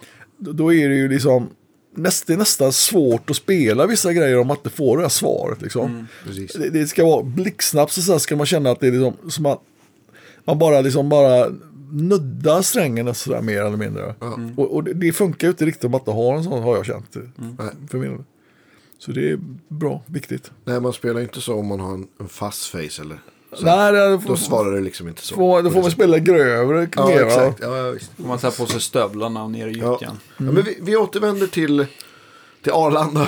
Nej, men ni kom hem och hade en listetta och du skulle bli pappa och hade leopardkavaj. höll jag på att så säga. just det, det precis. någonstans. Ja. Alltså då är plötsligt från, från den här proggan som var emot allt, så var man ju med för allt kan man säga. Det hände någonting, och till och med, man, jag gillar till och med skivbolag just då. och det var, Ja, det kan jag ju förstå. Det är ett sånt kort skulle jag också Ja, exakt. ja, det, så, så, helt plötsligt så var kärlek liksom, jävla liksom, man tyckte ändå det var bra för att ligga på skivbolag när det liksom gick bra för en och så. Ja. Så, och så, så på det sättet så gjorde vi då att vi körde ju liksom järnet den här sommaren. Och dessvärre var det så att man blir lite fartblind när man får också framgång. Och det är inte alla människor som har samma förutsättningar ibland i ett band och hänga på när det blir, börjar gå väldigt, väldigt bra. Så vår sångare Jim, han, han tackade för sig. Han, han ville göra en lite lugnare karriär. Han tyckte det blev för mycket. Ja, vi skulle ju liksom egentligen tagit ett halvårs paus för vi hade ju gett järnet där något år. då. Så, men det gjorde vi inte utan vi tog in en annan sångare istället och det tyckte jag var kanske en misstag. Men det kan man ju resonera om. Ja. Men, det, men läget var liksom att smida medan järnet var varmt. Kan jag tänka mig. Och ni säkert, Ja, hade säkert ja, gig bokade och så vidare. ja, liksom. ja men det, fattar. Alltså det, man är mitt i någonting så kan man känna att, att, att, att det blir svårt att ställa in saker också sådär hur som helst. Och Ja. Det fanns liksom en plan för hur bandet skulle liksom utvecklas. eh, Det skulle en ny platta och att man var inne i någon slags eh, plan som kändes knepig att bryta sådär bara för att någon vill ha lite längre semester eller så. Ja. Men där skulle man varit klok. Så mitt, mitt tips är ändå om man har framgång så ska man inte helst inte ändra då sättningen i det bandet. För, för, för det blir magiskt på något sätt ja, men visst. när man jobbar ihop med. Och, och, man kanske inte förstår själv hur viktigt samspel är. Man kanske tittar mer på sin egen insats. och- och- Men, men där lärde jag, det har jag lärt mig senare. Att, att, att, att, att, att, att det framgångskonceptet vi hade med de, med de personerna som var med. Det var det som gjorde att Alien gick så bra då Ja, under de, precis, under de första åren. Sen startade jag... Summan är större än, än, Ja, ja summa, alltså det blir som... är mer än individerna. Liksom. Ja, precis. Och, och, och att allas förmågor tillsammans blev... Det, det blev liksom unikt på något sätt. Ja. Och, och det var inte lätt att hitta någon annan som skulle kunna ta in. Så vi var ju över Los Angeles flera gånger efter det sen och spelade in. Med andra sångare. Men vi fick liksom aldrig den. Det blev inte det utfallet. Nej. Efter det men de andra vi gjorde. Så att, så att vi la ner det. några år la vi ner i bandet som det var. Så startade jag upp här några aliens här i Stockholm med lite musiker under Ja. några år sedan. För jag fick eh, möjlighet att göra några plattor till här uppe. Och, så, så jag kunde åka ut och turnera lite och sådär. Ja. Trots allt. Men där eh, hände någonting och då hörde... Jag måste säga det, jag glömde säga en sak. Ja, kör. Att en av de sakerna som gjorde att vi fick också en framgång. Det var, kommer du ihåg Janne Ellerås som berättade om, som var countrykille. Han hade ett program eh, som gick, alltså det var så att man hade delat upp regionerna i olika dagar. Så att från, på fredag var det Stockholm och på onsdagar var det Malmö och sådär. Är ni med? Och så var Karlstad någon dag och så var det Sundsvall någon dag. Och, och Göteborg någon dag, det var på torsdagar har jag för mig. Och där var vi väldigt ofta gäster hos honom. Okej. För att han, han hade lärt känna mig och, och tyckte det var coolt det här med Alien och så. Och det var ju alltså innan då vi hade åkt över till Los Angeles. Så var vi hos honom en gång i månaden och berättade lite hur det gick för oss och sådär. Ja, vad kul. P3. Och, Fantastiskt. och det var ju, alltså man säger så att countryn gjorde det här bäddade för en fin relation med honom. Ja. Så han tyckte han ville följa oss, för det var ändå lite bra att vi hade skivkontrakt och så. Ja. Att ett Göteborgsband, på den tiden var det ju, vi var den nog bland det enda bandet som hade ett skivkontrakt som rockband Ja. för ett bar. Så det var liksom häftig grej på det sättet. Och, och det var ju också så att, så att vi fick en möjlighet att presentera oss för eh, publiken, vår, våra fans och så under ganska lång tid innan vi breakade. Så på något sätt så var vi ju kända då. Och, och, där, och därför menar jag så här att, att, att en, en sån kontakt som man har haft då med Jan Ellrås var ju också jätteviktig. Men, men den byggde ju inte på att vi försökte liksom hitta någon slags genväg och så, utan han bjöd in oss för han tyckte det var liksom kul att vi var ett bra band och sådär. Så, så det byggde ju inte på några baktankar utan byggde bara på passion fortfarande. Men, men, men just att, att, att, att de, det man, de man mötte i countryvärlden senare betydde någonting senare Ja.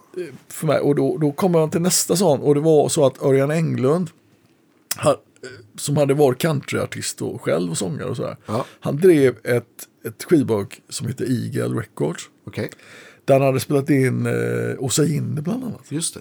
Och hennes stora, och, och Dana Dragomir. Ja, Och spelar harpa och sådär. Och, och, han frågade mig om jag ville göra en solplatta hos honom. ja, Så då fick jag göra en eh, platta med då eh, Rutger Gunnarsson som producent. ah, coolt. Och eh, Legend.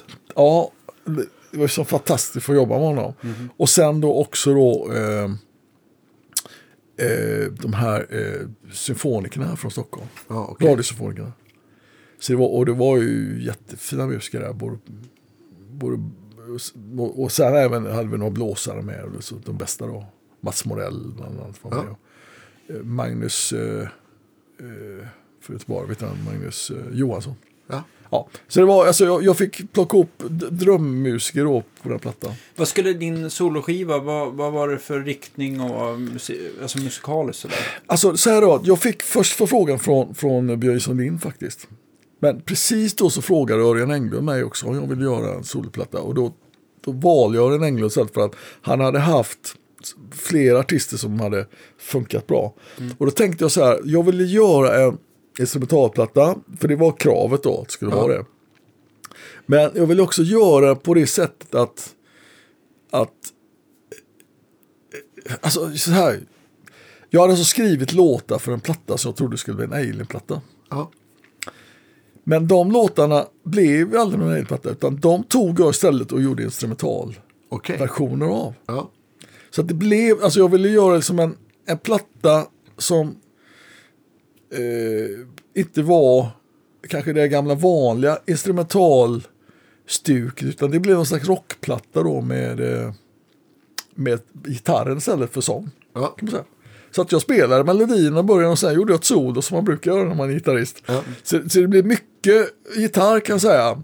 Så att eh, för att klara av de här konserterna som vi senare gjorde Ja. så krävdes ju, det var ju nästan som att börja springa maraton eller någonting sånt där. Va? Ja. För att det var ju sol hela tiden och så. Men det var kul. Ja. Det var roligt och... Finns den på Spotify den plattan? Ja, alltså det finns en variant av den. Okej. Den första versionen som sålde väldigt bra för, förhållandevis. Ja. Den gick i graven med att Eagles köps upp Okej. av något stort bolag, EMI eller något annat. Och sen blir de uppköpta av Warner, ja, ni vet hur det har hållit på. Ja. Så, så att den finns inte tillgänglig. Men det finns en, en nästan likadan platta som, som jag gjorde med, som jag har tagit fram senare med något, något sån här likadana inspelningar på. Ja, Och den ligger på Spotify. Ja. Det är inte, det är inte riktigt den där, för, men den är lik i alla fall. Så Ja. det går att höra hur, liksom, hur det lät i alla fall Ja. på den. Och den då, eh, det var lite kul där för att det var så att det kom ett program som hette Båtnytt eller någonting sånt där. Av alla program, ja. Ja, och då hade de ju hittat min platta. Så de tog en, en låt när de skulle visa ankare, en låt båtmotorer, en låt när de visade segel och så, och så vidare. Så, och då körde de lite av varje låt till så att det blir liksom som en temalåt medan de visar Ja. de här jävla ankarna. Eller vad det var. Och det var ju en, en serie då med repriser och sådär Ja. på en 8-10 avsnitt. Så det blev ju att jag fick fantastisk avräkning. Från Du vet, man fick ju ja. betalt för Stim då. Så det var ju liksom otroligt liksom hur lönande det kan vara att få sin musik spelad på tv. Ja, ja. Så att det var ju lite kul. Mm. Men sen så sålde ju den då till de närmast, alltså till fansen man hade och sådär. Så att Ja. jag tror att Ör- Örjan var nog ganska nöjd med den försäljningen och sådär. Ja. Det är liksom, så det var ju kul. Underbart. Ja. Och sen, men, men sen, eh, vilket år är vi inne på här då? Vi, Ja. hade du hunnit börja på Rytmus eller var det strax Nej. efteråt? Alltså Rytmus har precis startat då när jag gjorde sista turnén där med Alien kan man säga. Ja. Med Stockholms Alien.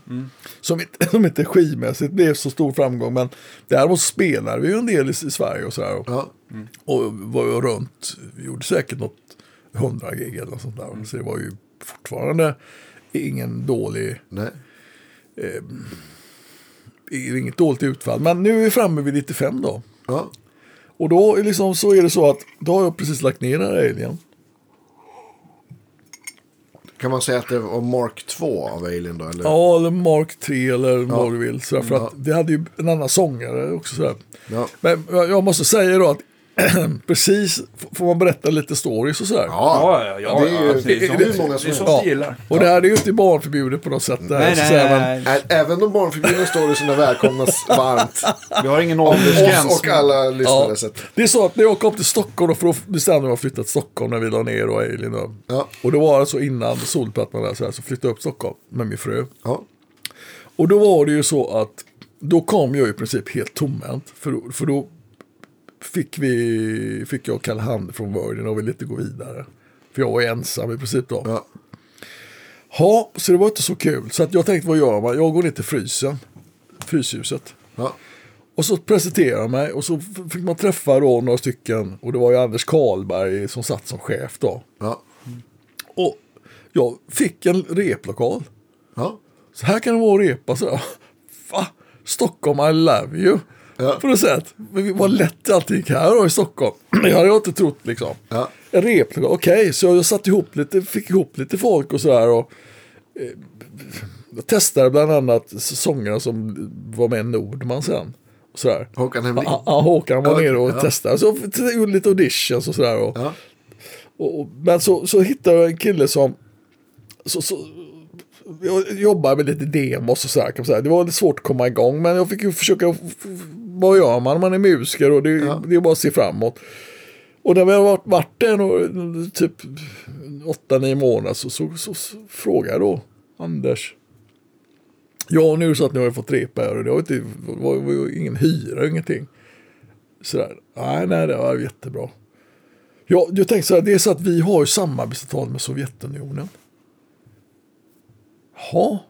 Jo, det är så att de har skickat artister hit. För vi har kulturutbud, det är viktigt för, för vi ska liksom förbrödringar mellan länder och sånt där. Vi ska liksom byta kultur och så. Och nu har de haft ryska band här. Så jag tänkte, har ni lust att åka över till Ryssland? Eller till, till Sovjetunionen? Och, och, och representera Sverige? Åh, herregud. Ja, jo, men det får man ju göra. alltså, vi har haft gratis hyra, så ni förstod ju Ja, du, liksom du lite kunde grann inte här. tacka nej helt. Ja, alltså det var ju liksom, man ville vara artig och, och till och med så jag, jag frågade en kille som heter Red Fun, vet du vad det är? Ja, det Han var med. Kim Marcello på någon platta. Just det, precis. Ja. Exakt. Har du lust att hänga med och sjunga? Ja, för fan sa jag, jag hänger med liksom. Så vi repade ihop lite låtar där. Och sen åkte jag över till Sovjetunionen då. Eh, och det var ju någonting in, väldigt, väldigt, eh, ska man säga, Det var annat än limousin eh, i Los Angeles. Jag kan säga så här att när vi kom dit då så bodde vi på ett gammalt sån här olympiskt hotell. Så här. Ja. Och det var hur mycket folk som, där, som helst där som sprang där i korridorerna. Så efter några dagar då så märkte vi att vi hade blivit, det var ju Emma Testam var med och det var folk från Okej med och sådär. De har varit inne på turnéledarens eh, rum och snott 20 000 eller 30 000. Som han hade haft i, i, i cash som låg där. Va? Och det blev ju liksom ett jävla liv på allting. För att du vet, det är ju så att, att, att är man kriminell och åker fast i Sovjetunionen. Ja. Det är ju inga bra grejer, framförallt inte när vi kom från Sverige och det skulle liksom bli kultur. Så det gjorde så att vi, de spärrade av hela hotellet. Så att då, då, då, då, sa man så här att bara de som har visat upp hotellnyckel eh, kan komma in då på hotellområdet. Och det var ett stort hotell med butiker och sådär. Och det visade att det var ju folktomt. Sen när man hade liksom infört det där. Så då fattade vi att på det här hotellet så gick det omkring bara massa skurkar som väntade på liksom naiva turister som de kunde Ja, råna ungefär. Va? Och då förstod vi att, jaha okej, nu är vi i ett sånt här land. Mm. Och då var det så att, eh, att när vi åkte taxi så frågade de rubel eller dollar. Eh, Nej, nej, nej, nej, de ville ta rubel. Alltså, de, alltså, vad är det detta? De ville bara dollar. Och jag var ju så inne på det att, att, att det var säkert två jämlika system. Amerikanska systemet eller Sovjetunionen. Liksom. Det var bara att välja. Liksom. De var säkert stolta över det. På. Nej då, de ville bara dollars. Dollars i Sovjetunionen, vad det kändes konstigt. Och sen då så visade det sig att det fanns ju för fan ingen mat i hela jävla stan. Liksom. Man kunde inte gå ut och äta någonting. Så efter tre dagar fick vi veta att, att McDonalds hade öppnat en stor jävla restaurang. I, so I Moskva, i Sovjetunionen. Ja. På den tiden var det ju en chock man fick. Och då kom man ner dit liksom, så var det liksom, du vet sådär 40-50 kassor. Och det var ju som att gå in på NK ungefär va. och, och då kostade det liksom en meny tre spänn eller någonting sånt. Eller ett, ett, förlåt 30 spänn eller så här. Men, alltså, eller billigt som fan. Eller säkert 10 spänn kanske. Eller så här. Om, man, om man tänker utifrån vad det kostade då. Och då förstod man att, att i, i Sovjetunionen är det på någonting på gång. Va?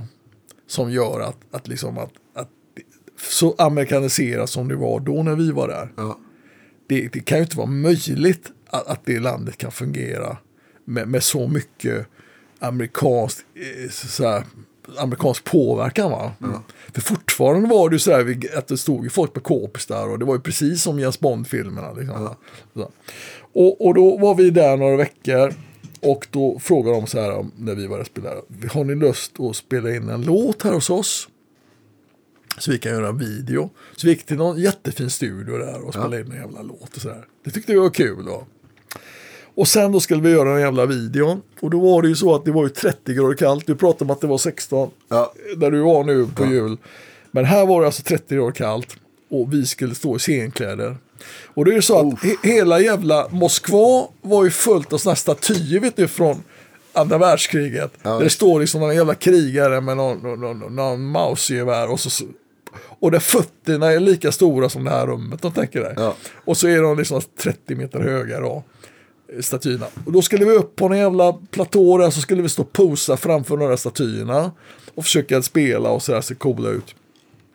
Och vi höll på så några dagar och vi åkte runt på i kyrkor och, och, och överallt och posade.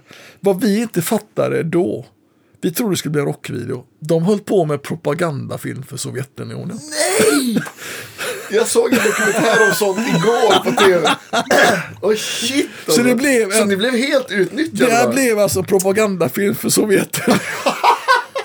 så, så, här, så här har vi det i Ryssland. Ja, ungefär va, någonstans va. Så att så med det. Men vi gjorde ju några konserter och så här. Det var ju Ja. trevligt och vi representerade landet Fick fint. ni någonsin se den här Ja, videon alltså vi fick se det vid något tillfälle. Men alltså det var ju typ. Alltså det var ju typ eh, hammare och skär. Alltså det var, Ja. Alltså, det var verkligen Ja. rysk, eh, Sovjetunionens flagga. Och, Ja. Alltså det var väldigt propagandistiskt. Ja. Så, så det var ju svårt att använda till någonting.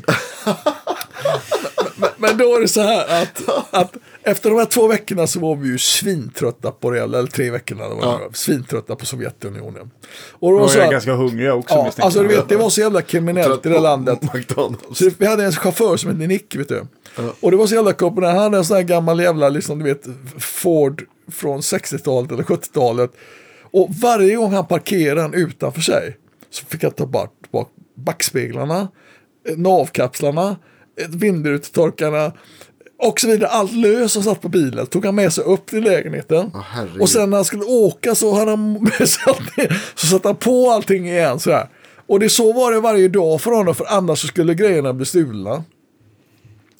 Och då var det så här att, att sista dagen när vi skulle åka hem då så skulle planet till Stockholm liksom, till liksom till våran räddning. Alltså, vi har, alltså det fanns ju inte käk i stan ens, det fanns ingenting att dricka. Vi kunde handla att Men vad var det dricka. här 90? Det var 90. Vodka hade 90, ni ja, det var alltså precis ja, innan. Ja, ja innan, perestrojkan. innan här. perestrojkan, liksom. Ja, och det fanns ju ingenting. Så vet du, vi, vi höll på att törsta ihjäl, vet du. Det var ju bara den jävla studion där. Och, och så, finns det, så att vi sprang ner till en sån liten butik och köpte en sån här stor burk med päron. Och så delade vi på det så drack vi saften sådär. Alltså förstår ni vilken, alltså, vil- vilken misär det var i det här landet. Och du vet, vi hade med oss en journalist från, han jobbar för eh, någon, någon tidning och, och vi hade, Mattias var med och allt så, så det var ju liksom, Det var ett litet gäng. Ja. det var ett gäng va. Och då när vi skulle åka hem då så kör turnéledaren oss då liksom till, till liksom flygplatsen i Moskva. Då. Och så sa han, nu ska jag stå den här kön för när, så småningom kommer det hända någonting där. Och då stod vi i den jävla kön. Och det var ju som, det var ju jävla kackel där på olika människor, nationaliteter och sådär. Och, och, där, och, och helt plötsligt så ser vi, men vad fan, planet går ju snart. Och att det hänt någonting. Och då, då förstår vi att då står vi i fel kö. Och då kommer de och säger, ja, ni ska stå i den kön långt, långt där borta. Så vi springer bort till den kön och ställer oss i den jävla kön. Då ska ni veta att det här är alltså flykten från New York, alltså den känslan. Va? Är ni med? Du har sett filmen? Då fattar ni liksom vad vi försökte fly ifrån liksom. För vi var så jävla trötta på det. Ja. Då säger, då, då kommer vi fram, då står det en tant där med uniform, precis som Jens Bond. Med liksom, du vet, uppknuten knut och så ser ut som en jävla militärofficer eller någonting sånt där. Ah, sorry guys, Eh, det är för sent menar hon på sådär. Liksom, och menar, next, nästa plan går om en vecka. Om en vecka, vad fan, vi vill ju hem nu. liksom. Ja. Alltså det gick en gång i veckan. Och då är det så att, nu ringer Vedle, vad ringer så ska vi göra så igen. Så, eh, och då är det så att, vi tar ingen reklam nu va? Nej, nej, nej. Nej, nej, nej, nej. Kör. Nej, Då är det så här att, att då är det så att då frågar någon av oss här, han, journalisten som var ute där, Ola hette han. Han kommer från de här eh, eller något sånt där, va? Eh, Jag måste få, vi måste få prata med din chef. Ah, eh, eh, eh, pekar liksom, ni kan gå upstairs, alltså, man bara Ja. ja. upstairs. Här, liksom. Och Ola springer före, för han hade ju följt med en jävla panik. Det var ju ångest så det stänker om det. Ja. Och jag tänkte, jag var för trött för att orka liksom bry mig, så jag hängde med honom. Ja. När vi kommer upp till det där så, och så förklarar han läget då. Och vi måste komma till Stockholm nu för att eh, jag ska jobba. Vi ska jobba. Ah, sorry guys, the, the, it was possible, it was possible today. Next week. Så, Nästa ja, ja, ja, ja. Han går ner på knä och börjar gråta. Please help us. Vad tror du Tony Borg gör då? Jag tänker fan jag får göra likadant. Så jag går också ner på knä. Please help us.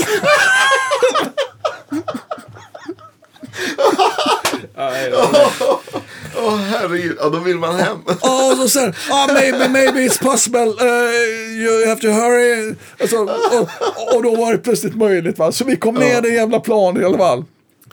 Så att, så att, Då var det helt plötsligt möjligt. Ja, okej. ja, så att, så att Men ni behövde inte muta någon. Så här, det, det var det som jag hade så här, förväntat mig. Så Ja, här, alltså nu när man tänker efter så var det väl nog det de var ute efter. Så man slår fram en tusenlappar. ja, men precis. Och så här, men, men, men det fattade vi inte riktigt. Men, men please help us. Det var väl någon typ av smärtgränser för, hon, för Ja. dem också va? Ja, För- det var människor någonstans. Ja, Ja, exakt. ja, ja. Så att vi kom med i planet och och hem kom vi och det var väl det sista vi gjorde där med den sättningen. Då, så.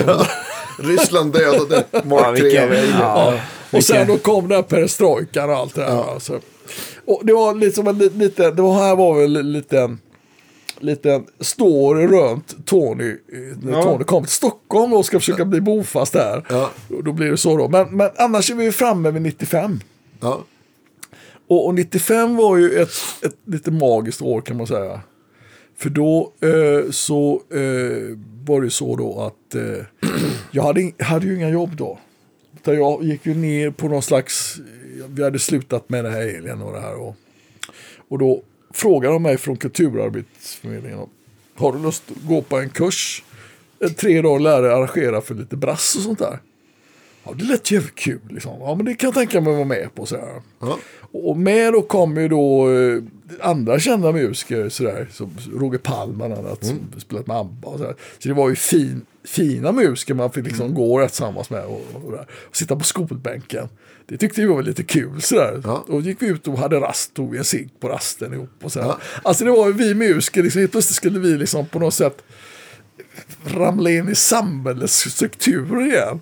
Det tyckte jag var väldigt charmigt och gulligt. Så. Då frågade ju då Johan då som jobbar som rektor där. Och, eh, Tony, du, har, du är ju liksom gitarrist och spelat mycket blues och hårdrock och sånt där. Vi har några elever där, de är, de är jävligt svåra för de, de vill inte spela jazz och sådär. Och de andra gitarristerna är mer jazzgitarrister som jobbar där som lärare. Du, du, är i och för sig inte utbildad, men, men du kan väl lära dem lite för vi måste ju så, så, vi, så, de, så de vill, tycker det är kul att gå här i skolan och sådär. Ja. Ja, för fasen, det kan jag tänka mig. Det låter ju kul. Och så åkte ner där då någon dag eller i veckan eller så här och hade några elever. Det var jätteroligt. De var jättetrevliga och intresserade och, och satt och tjötade med dem om Henry, precis som vi gör här. Och Ja, så, visst. Tony, kan du berätta lite mer om det? Och, Ja. ja. och så visade de lite, lite grejer så här, som de tyckte var roligt. Så, så, och det var en helt ny värld för mig.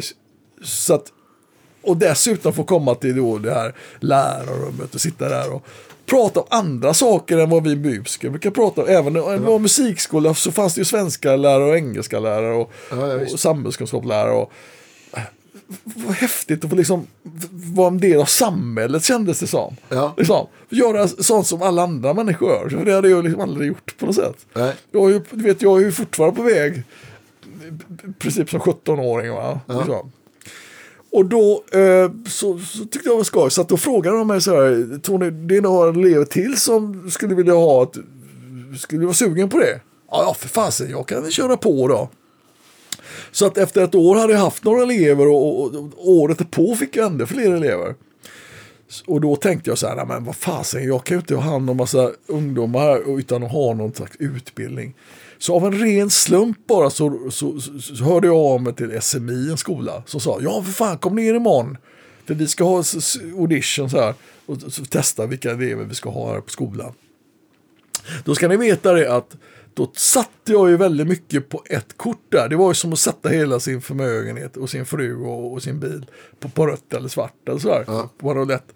För jag kände att skulle jag inte komma in på SMI då skulle det bli så superbekräftat att jag inte var någon bra gitarrist helt enkelt som, som hörde hemma i de finare rummen. Sådär. Så upplevde jag det. Ja. Det var fullständig ångest för mig för att, att egentligen gå ner på den här sökningen till den här skolan. För, det, för jag kände det att det skulle bli så tydligt att inte jag skulle duga eller så. Så taskigt självförtroende hade jag, trots allt jag hade gjort och så. Ja, ja. Men så kom jag ju in som tur var och jag sökte in på den här, eh, den, den här eh, Search and an Alien, vad heter den? Eh, Ja.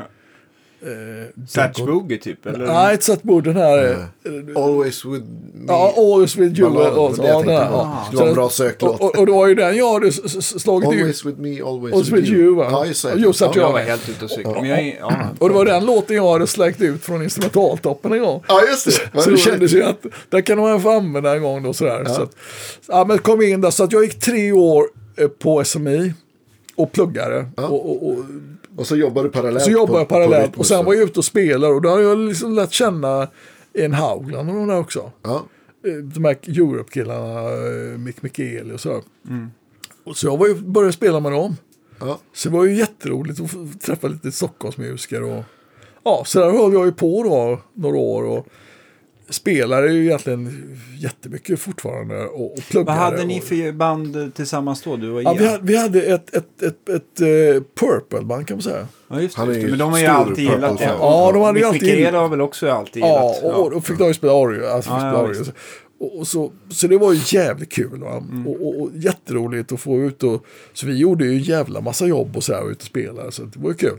Fram då till, var inte bara med, med dem här. lite- Jag hade lite andra musiker och spelare. Men, men, men, men för att några då. Jag spelade med jag lärde känna jättefantastiska musiker. Alf, Matti Alfonsetti, Mm. eh, vet han, Det är en bra sångare.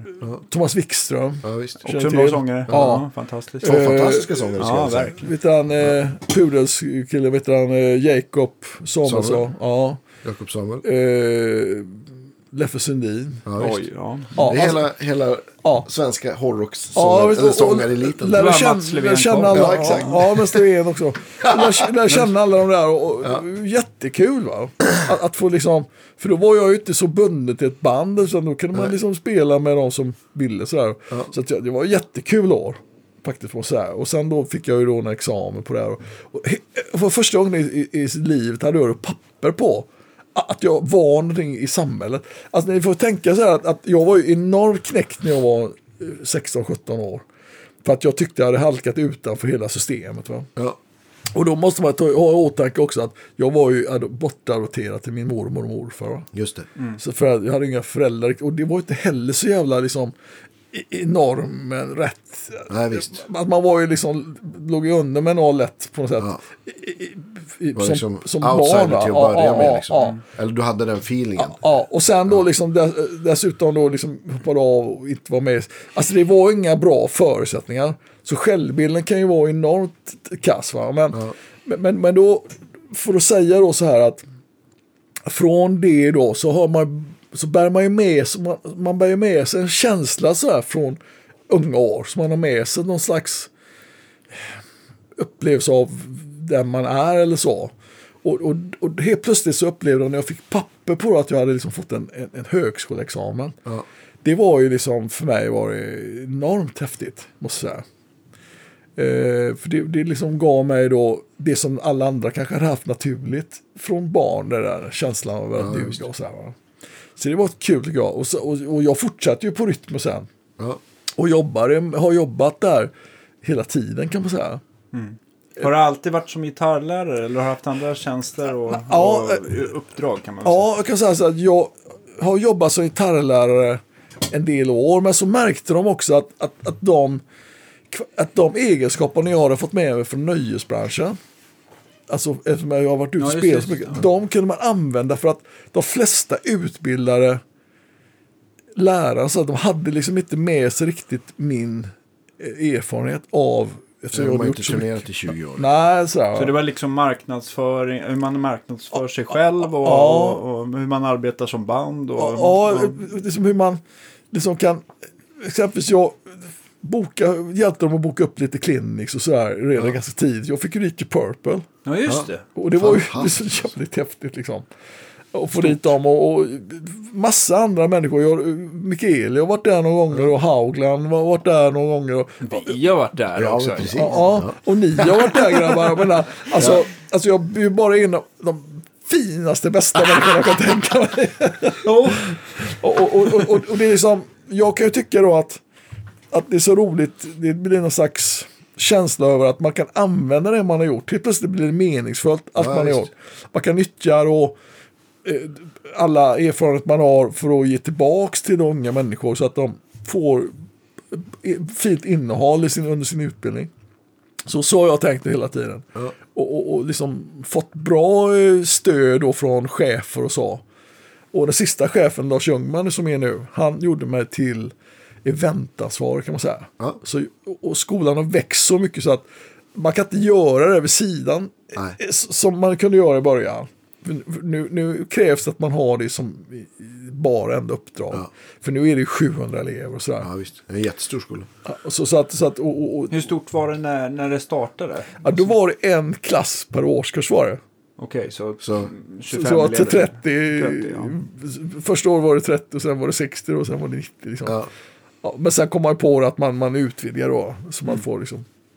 Men det var ju jättelite skola från början. Och då bland annat så, så frågade de här Tony, de ska ju ha praktik och sådär de här eleverna. De måste, för då var det liksom yrkesförberedande status. Då skulle man liksom bli musiker på något sätt. Och då försökte jag ordna praktik till dem, men det var inget, inget vidare. De hamnade liksom på, du vet, satt fulla finnar och blev förbannade för att de spelade fel låtar. Och så här, elever. Alltså det var inte bra för en elev att få, att få möta musikbranschen på det sättet. Va? Utan då kom jag på att då får jag ju ordna liksom en festival eller någonting för dem. Ja. Och där hade jag liksom varit ute och spelat på många sådana ställen där man liksom, det fanns ett diskotek, det fanns en pub, det fanns matplats och så fanns det liksom rockscen. Alltså ja, man, gick, man gick in och så fick man allt det på en entré liksom. Det var liksom, det låg tiden där och, och då tänkte jag att jag gör något liknande på Rytmus då. Så att då gjorde vi så att vi hade lite olika typer av uppträdanden då. eh, Så att eleverna skulle få känna som, som om det var, en nattklubb de var på. Ja. Men nu, nu då när det har blivit så många elever sedan dess så har vi kommit på att det, ett, det, det håller inte heller utan nu har vi gjort en festival istället. Så då kör vi, i, i år har vi precis startat upp då det här att vi ska då ha en eh, årets festival och då är det eh, nästan 80 band man har bildat på Rytmus i årskurs 3. Oh shit alltså. Och då har vi eh, tre kvällar på fyra scener. Hela band. Var det någonstans då? I, på Ja, plugget? då eller? är vi, där ni var, ni var i aulan. Mm. Det är en scen. Så en våning upp då kanske? Ja, och sen en våning upp, det bygger vi upp till lite, det, liksom, där kommer våra gamla svartklubbserfarenheter igen. Ja. Så vi bygger in det så det ser ut som en gammal svartklubb. alltså mörkt och sådär och, Mm. och så häftigt så. Sen är vi på Diesel. De, de har ju två jättefina scener. Ja, en, en lite mindre teaterscen och en jättestor scen. Nästan vägg i vägg. Ja, vägg i vägg. Så där har vi två scener också. Där. Dieselverkstan då? Mm. Så, så där är vi, vi jobbar ganska mycket med dieselverkstad för att Ja. då har vi tillgång till deras liksom, lokaler när vi behöver och så. Så att så är det tänkt då, och då har vi på att organisera det med elever. Vi började igår. Välkomna nu till eh, organisationsarbete. Och det fina är då att eleverna då, alltså det är ju jättemycket musiker och de är jätteduktiga. och Jätte, väldigt många är jätteduktiga och kommer nog att bli musiker som vi är. Ja. Men det som de får lära sig nu, det är att de får lära sig både hur arrangörer tänker. Ja. Alltså de får vara med och arrangera det. Och så får de dessutom vara artisterna som man bokar. Och- Och då lär de sig Det det. är ju ja. någonting som man, i, särskilt i dagsläget, kanske alltid med framför, men, men verkligen nu så måste man ju kunna allting. Mm. Tyvärr höll jag på att säga, men, men det är ju lite så. Men jag tror i alla fall, även om man inte kommer syssla med allting så är det eh, bra att liksom förstå Organisation, Liksom, ja, ja, kanske ja. hur en, en, en pub tänker för att det liksom ska bli någon, en plus i slutändan Ja, men för precis. dem. va? Det går ju att applicera på, på ett fik eller en klädbutik eller en festival. Eller, det är ju Ja. rörelse som rörelse. Liksom. Ja, alltså, och, och det, alltså, jag kan tycka Vilket att bra det, tänk. Ja, Grymt. jag, och jag kan tycka att det, det är fantastiskt bra för att det kan ju hända att några av de här som går på skolan tycker det är kul att bli arrangörer också. Sådana behövs ju också liksom. Ja, oh ja. Som vill öppna musikställen och, och, och driva och sådär. Och, och, och om inte annat så lär man sig också kanske som musiker att visa respekt för arrangören. Och, eller som arrangör visa respekt för musikerna. Så att man får fint samarbete och så. Så, att, så det tycker vi är viktigt och så. Har ni, har ni satt något datum för den här festivalen? Ja, alltså nu är det så att nu är det för alla möjligheter tyvärr. Jag kan säga så här, er killar. Ni står på min yes-list. Jaha, Ja, okej. Så, att det, så att alla får inte komma in som Nej. hör på det här programmet? Utan det... Man måste ha en relation till, till någon elev. Jaha, okej. Och för att all försäljning går via elevens kontaktväg. För att Just det. Vi kan inte göra det till en allmän eh, konsert. För Nej, det skulle okej. vi inte klara av. Vi skulle inte ro i land det med, med allt som det innebär. Visst. okej. Utan det blir som ett slutet sällskap allting. Men det kommer ju alltså flera tusen ändå. Och, och jag hoppas ju att ni kommer också då. För, men, Självklart, och självklart. så. För det, det, jag tror att det kan vara kul för er att se Ja.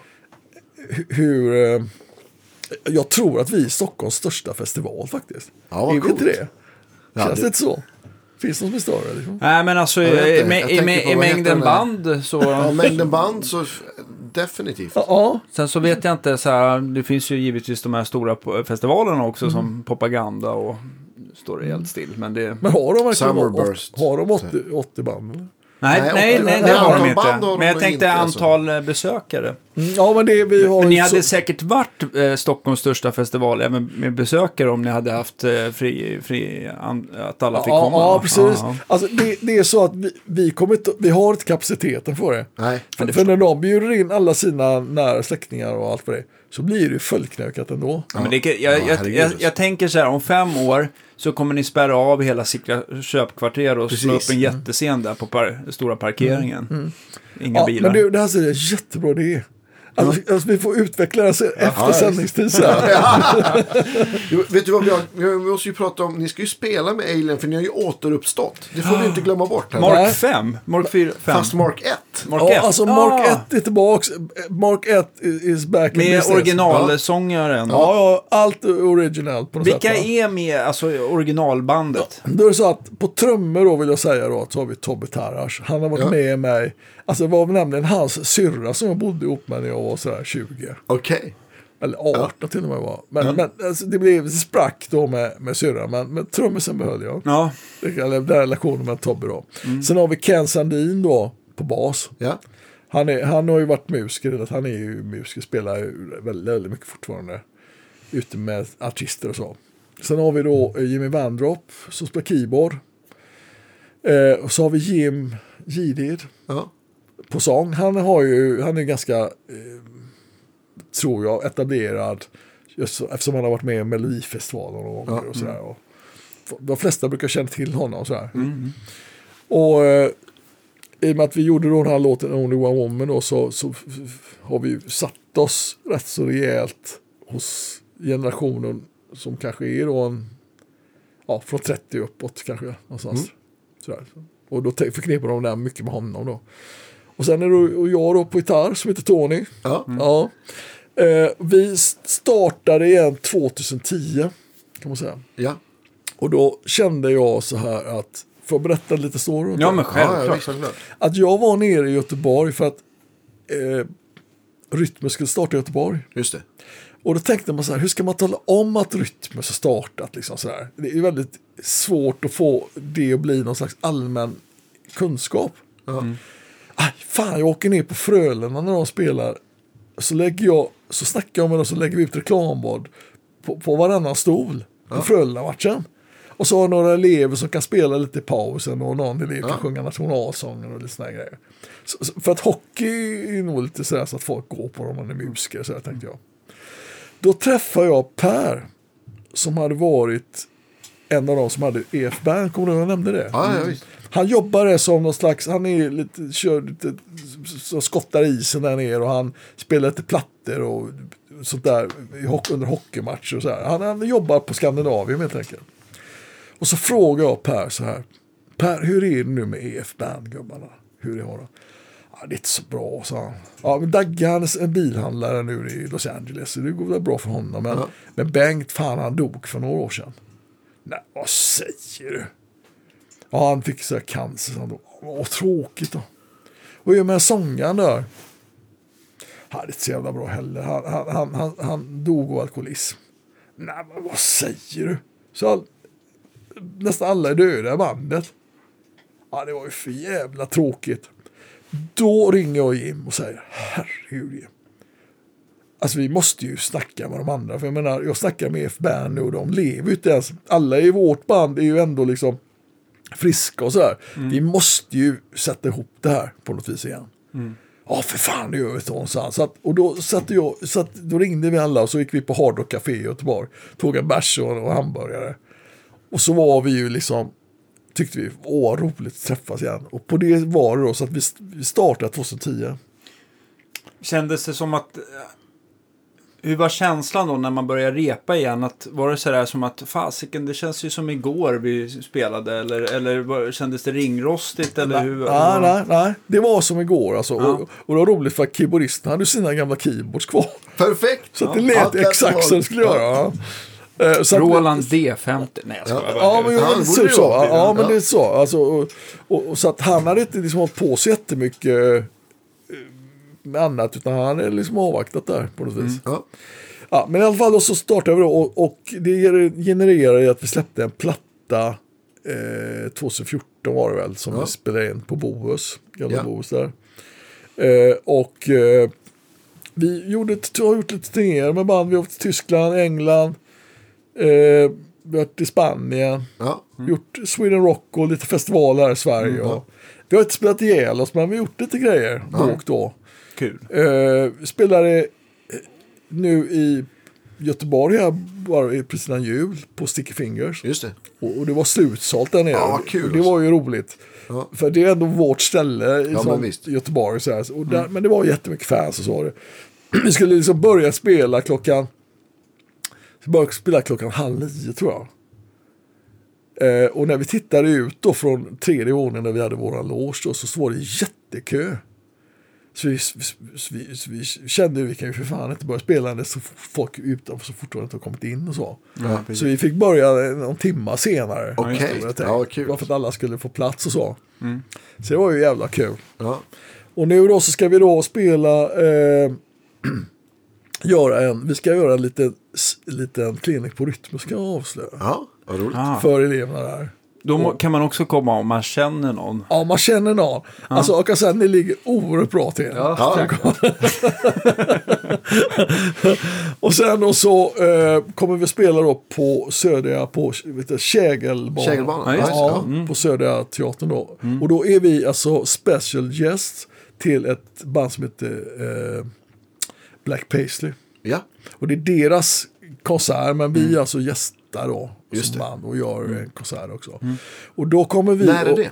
Det är alltså, vad sa vi nu, den 8 sa februari. Ska jag säga. Ja, ja, jag tittar snart, noga, jag ja. har Mm. min, min almanacka här. Jag ska ta fram det så att vi inte säger fel här så att folk kommer fel dag. Men det här är en fredag. Mm. Och då pratar vi om att nu kommer jag fram här. Eh, så. Och så pratar vi om att det är den 8 februari. ja. Och det finns ju mer om det på nätet. Så ja det. Tittar man då på Ja, men, Södra kul. Teatern så hittar man där. Alltså nu tog jag fram en liten lista också på grejer som jag, lite klinik som jag kör på Rytmus. Ja, men, Ja, det men kan- berätta. Kan jag vad har kasta ni haft? Vad ni haft? Ja. Alltså det är så här att, att, att jag, mitt jobb handlar om att skapa kul upplevelser för eleverna. Att de liksom får möta riktigt, riktigt duktiga människor som håller på i musikbranschen. Ja. Och, och det är nyttigt, inte bara för eleverna, även för oss lärare, att få, få möta schyssta kollegor. För det liksom höjer någon slags känsla för, för, att, för passionen helt enkelt. Ja, ja. Men För eleverna är det jätteviktigt att få träffa andra människor och höra lite om musikeryrket, hur det känns. Och man får värdefulla tips och alla möjliga. Och ni har ju varit där. Ja, ja, visst. Och, och det, ni satte ju verkligen liksom... Pricken gjorde ett över av, i. ja, nej, men gjorde ett avtryck för att Nej. helt plötsligt så får ju läraren någonting att snacka med eleverna om. Man, man, man lite grann eh, analyserar lite vad som sades. Och, Ja, men visst. och, och, och väldigt många av de här nördarna de är ju saliga att få träffa sina förebilder. Så, här, så att, och jag vet, du var ju där Andreas, du fick ju liksom Ja, visst. många som häng, hänger around ja, det, ja, det tog in, det var ju en timme efter Ja, det var visst, färdigt. visst. Ja, jag vet. Jag var tvungen att sticka ganska Ja. omgående. Men vi pratade ju om gitarrsounds och ja. du spelade lite. Ja, Ja, ja. Det var mycket trevligt faktiskt. Och det var många som, och du var ju snäll och som bjöd lite på det för att många av dem vågar inte heller ställa frågan kanske direkt när det sitter Nej, så många. precis. Utan Då, då tycker de det är lugnare att få, få prata med dig och, och, och, och, och det är rätt vanligt faktiskt att man är så schysst som musiker som du var Andreas. Att Ja. Man tar tid och så här, och det, det uppskattar de ju jättemycket. Ja. Så, så att, Ja, men det är klart man gör. Mm. ja, men jag kan säga andra som vi haft där också. Vi hade Björn Englén, vet du vem det är? Ja, det låter bekant. Quite Ja, Riot har spelat, man är med i, i Ronny Jens Dio-bandet. Jaha, okej. Oh, shit. Och, och, Ja. basist. Ha- Ian Haugland var ju där nu precis innan jul. Vem sa du? Ian Haugland. Ja, just. Ja. Och vi har eh, från, du vet hon som sitter och jobbar på Riksmixningsverket, Benny Anderssons studio. Ja, ja, visst. Linn heter hon, Linn. Fian. Ja, nej, hon ska vara till och med en extremt bra Ja, tekniker. Och berätta lite om... Eh, så har vi en jazzsångerska som heter Ingmar Men och Bossa Nova med Peter Ahlmark, vet du vem det är? Gitarrist. Ja, visst. Och så spelar Ja. med klassisk gitarr och så här, jätteduktig. Hon borde vi ha. Ja, absolut. Trummis som heter Linda Gustafsson. Tjejtrummis. Ja, känner inte. Vilket inte är så jättevanligt. Alltså, det, och det vill vi ha. Ja, det är toppen. Vi tycker att även tjejer ska spela trummor. Va? Det är lite roligt. Så, så det är kul att, att hon vill komma och visa sina färdigheter. Sen har vi då eh, eh, jättemånga. Alltså, vet du vem Britta Bergström är? Ja, visst. Ja. Legendarisk kör. Hon kommer på, på torsdag. Ja, kul. Eh, Filippa Näsil. Vet du det? Ja, visst. Ja, Har hon varit här någon eller? Tjej. Nej, vi har Nej, pratat om det flera Ja, gånger. Har hon, haft, hon kommer komma hit. Säger vi. Ja, vare sig hon vill eller Ja, inte. exakt. hon kommer, hon- hon hon- kommer 14 februari på min födelsedag. Ja, Ah. Perfekt. Och det är så här att jag har träffat Filippa någon gång. Hon, hon var min gitarrelev. Okej, vad kul. Så hon, varje gång när vi är ute, hon är inte precis 15 längre. Va? Liksom så här. Jag träffade henne då och då på, på såna här rockbåtar och bland Ja. festivaler. Och då är det så, åh Tony, här kommer min gitarrlärare. liksom. Får man en jättekram puss på kinden och sådär. Och, och, och, så- hon är ju vuxen kvinna då, så, Ja, ja, så, så, sådär, och, och väldigt etablerad Ja, ja, musiker. Så att, men relationen försvinner aldrig. Jag, Ja, jag får väl vara hennes Ja. gitarrlärare livet Ja, men det kommer du för alltid vara. Ja. Ja, Sen har vi. Soul Company, vet du vilka det är? Ja, absolut. Ja, ja, ja. Jesper Nahnfeldt. Ja, Jesper också en gammal elev till mig. Ja. Ja, men då, Trevligt. eh, ja, nu tappar jag hans namn, men saxofonisten jobbar ju på... Och de, de, det är väl, ja, vad heter han? Jag tappar namn på alla, men det är väl gammal rytmusare, lärare. Ja, eh, också. Mattias Mattias Lejdal Lejdal, ja, och, precis. och, och, eh, Patrik, Och Patrik Eriksson. Ja. trumpet, ja visst. Så att vi har ju, det, det är lätt att nå dem kan man säga. Ja, ja, visst. Sådär. Sen har vi, du vet, vet vem eh, Henrik Linder är, basisten? Ja. Ja, herregud. han- har han varit där? Dirty Loops. Nej, Ja, ja, ja.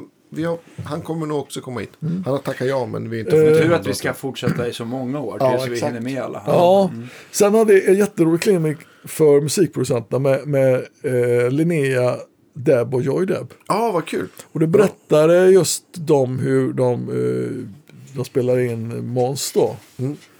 När de Heroes där. Ja, just det.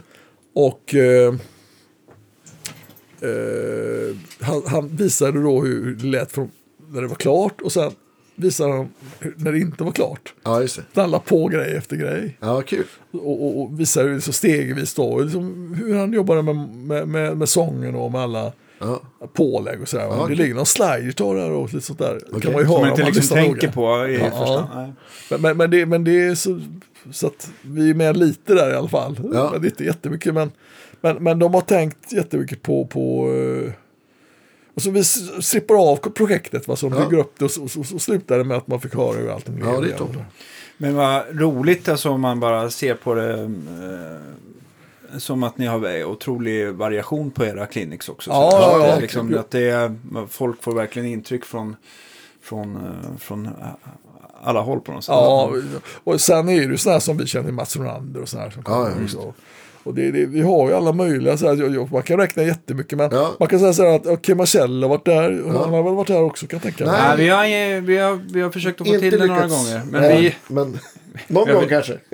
Ja, ja, men alltså det är ju så här att, att, att eh, man kan säga att, att vi vill, alltså mitt jobb går ut på Ja, att, att få eh, Rytmus elever att känna att när man träffar en musiker så tar man bort allt det här med att man har posningar och, och att Ja, man har image och sånt där. Utan man får träffa människan.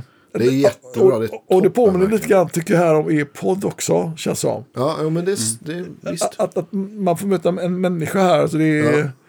det, ni, ni lockar fram människan här, måste jag Ja. säga grabbar. Så det, det, Ja, men tack, vad kul. Jag, eh, jag, ja, måste, jag måste börja runda av för Ja. att jag, jag har... eh, Jag ska träffa herr Schaffer om mindre än en kvart. Ja. Vad Jag, trevligt. jag, jag, jag, för, att, för att kommentera det du sa precis Tony, så, så känns det också som att det arbetet vi också gör nu känns ju jävligt roligt för kanske efter ja, men världen precis. om man tittar på 40-50 år och får höra hur eh, svenska gitarrister en gång hade det. Ja, exakt. Ja. Bra Så det känner vi oss stolta över. Och, och det, jag tycker det är jätteviktigt att det ni gör här känns viktigt för att den passionen man känner. Jag jag menar så att jag dreglade på dina gitarrer här förut. Ja. Alltså det finns ju en passion och den, den vinner ju i alla lägen så att säga. Man gör ju detta man gör så att säga, bara för att man älskar det. Och sen råkar det vara så att folk vill höra oss också. Det är ju lite kul. va? Men, och då menar jag att det känns gött att för det känns som att här är det passion som ni liksom jobbar med här. Ni Mm. lyfter liksom den här inre kraften så att säga. Ja, Det fint. känns Ja, tack, roligt tack. få, och, och få dela med sig åt andra. Ja, Hoppas man inspirerar Ja, men och visst. Och, Ja, men verkligen. verkligen. Stort tack för att du Ja, ville vara vilka, med. vad roligt. Ja, Ja, men tack. Tack Ja, grabbar. tack. det, och, Det där att falla ner på knä i Ryssland, det, ska, det kommer Ja. jag aldrig glömma. ja, men, men, men kan jag säga, sä, säg det inte till någon. Stort tack för idag. Vi ses och hörs snart allihopa. Ja, nästa, nästa vecka vecka. om inte annat. Hej, hej! Hej.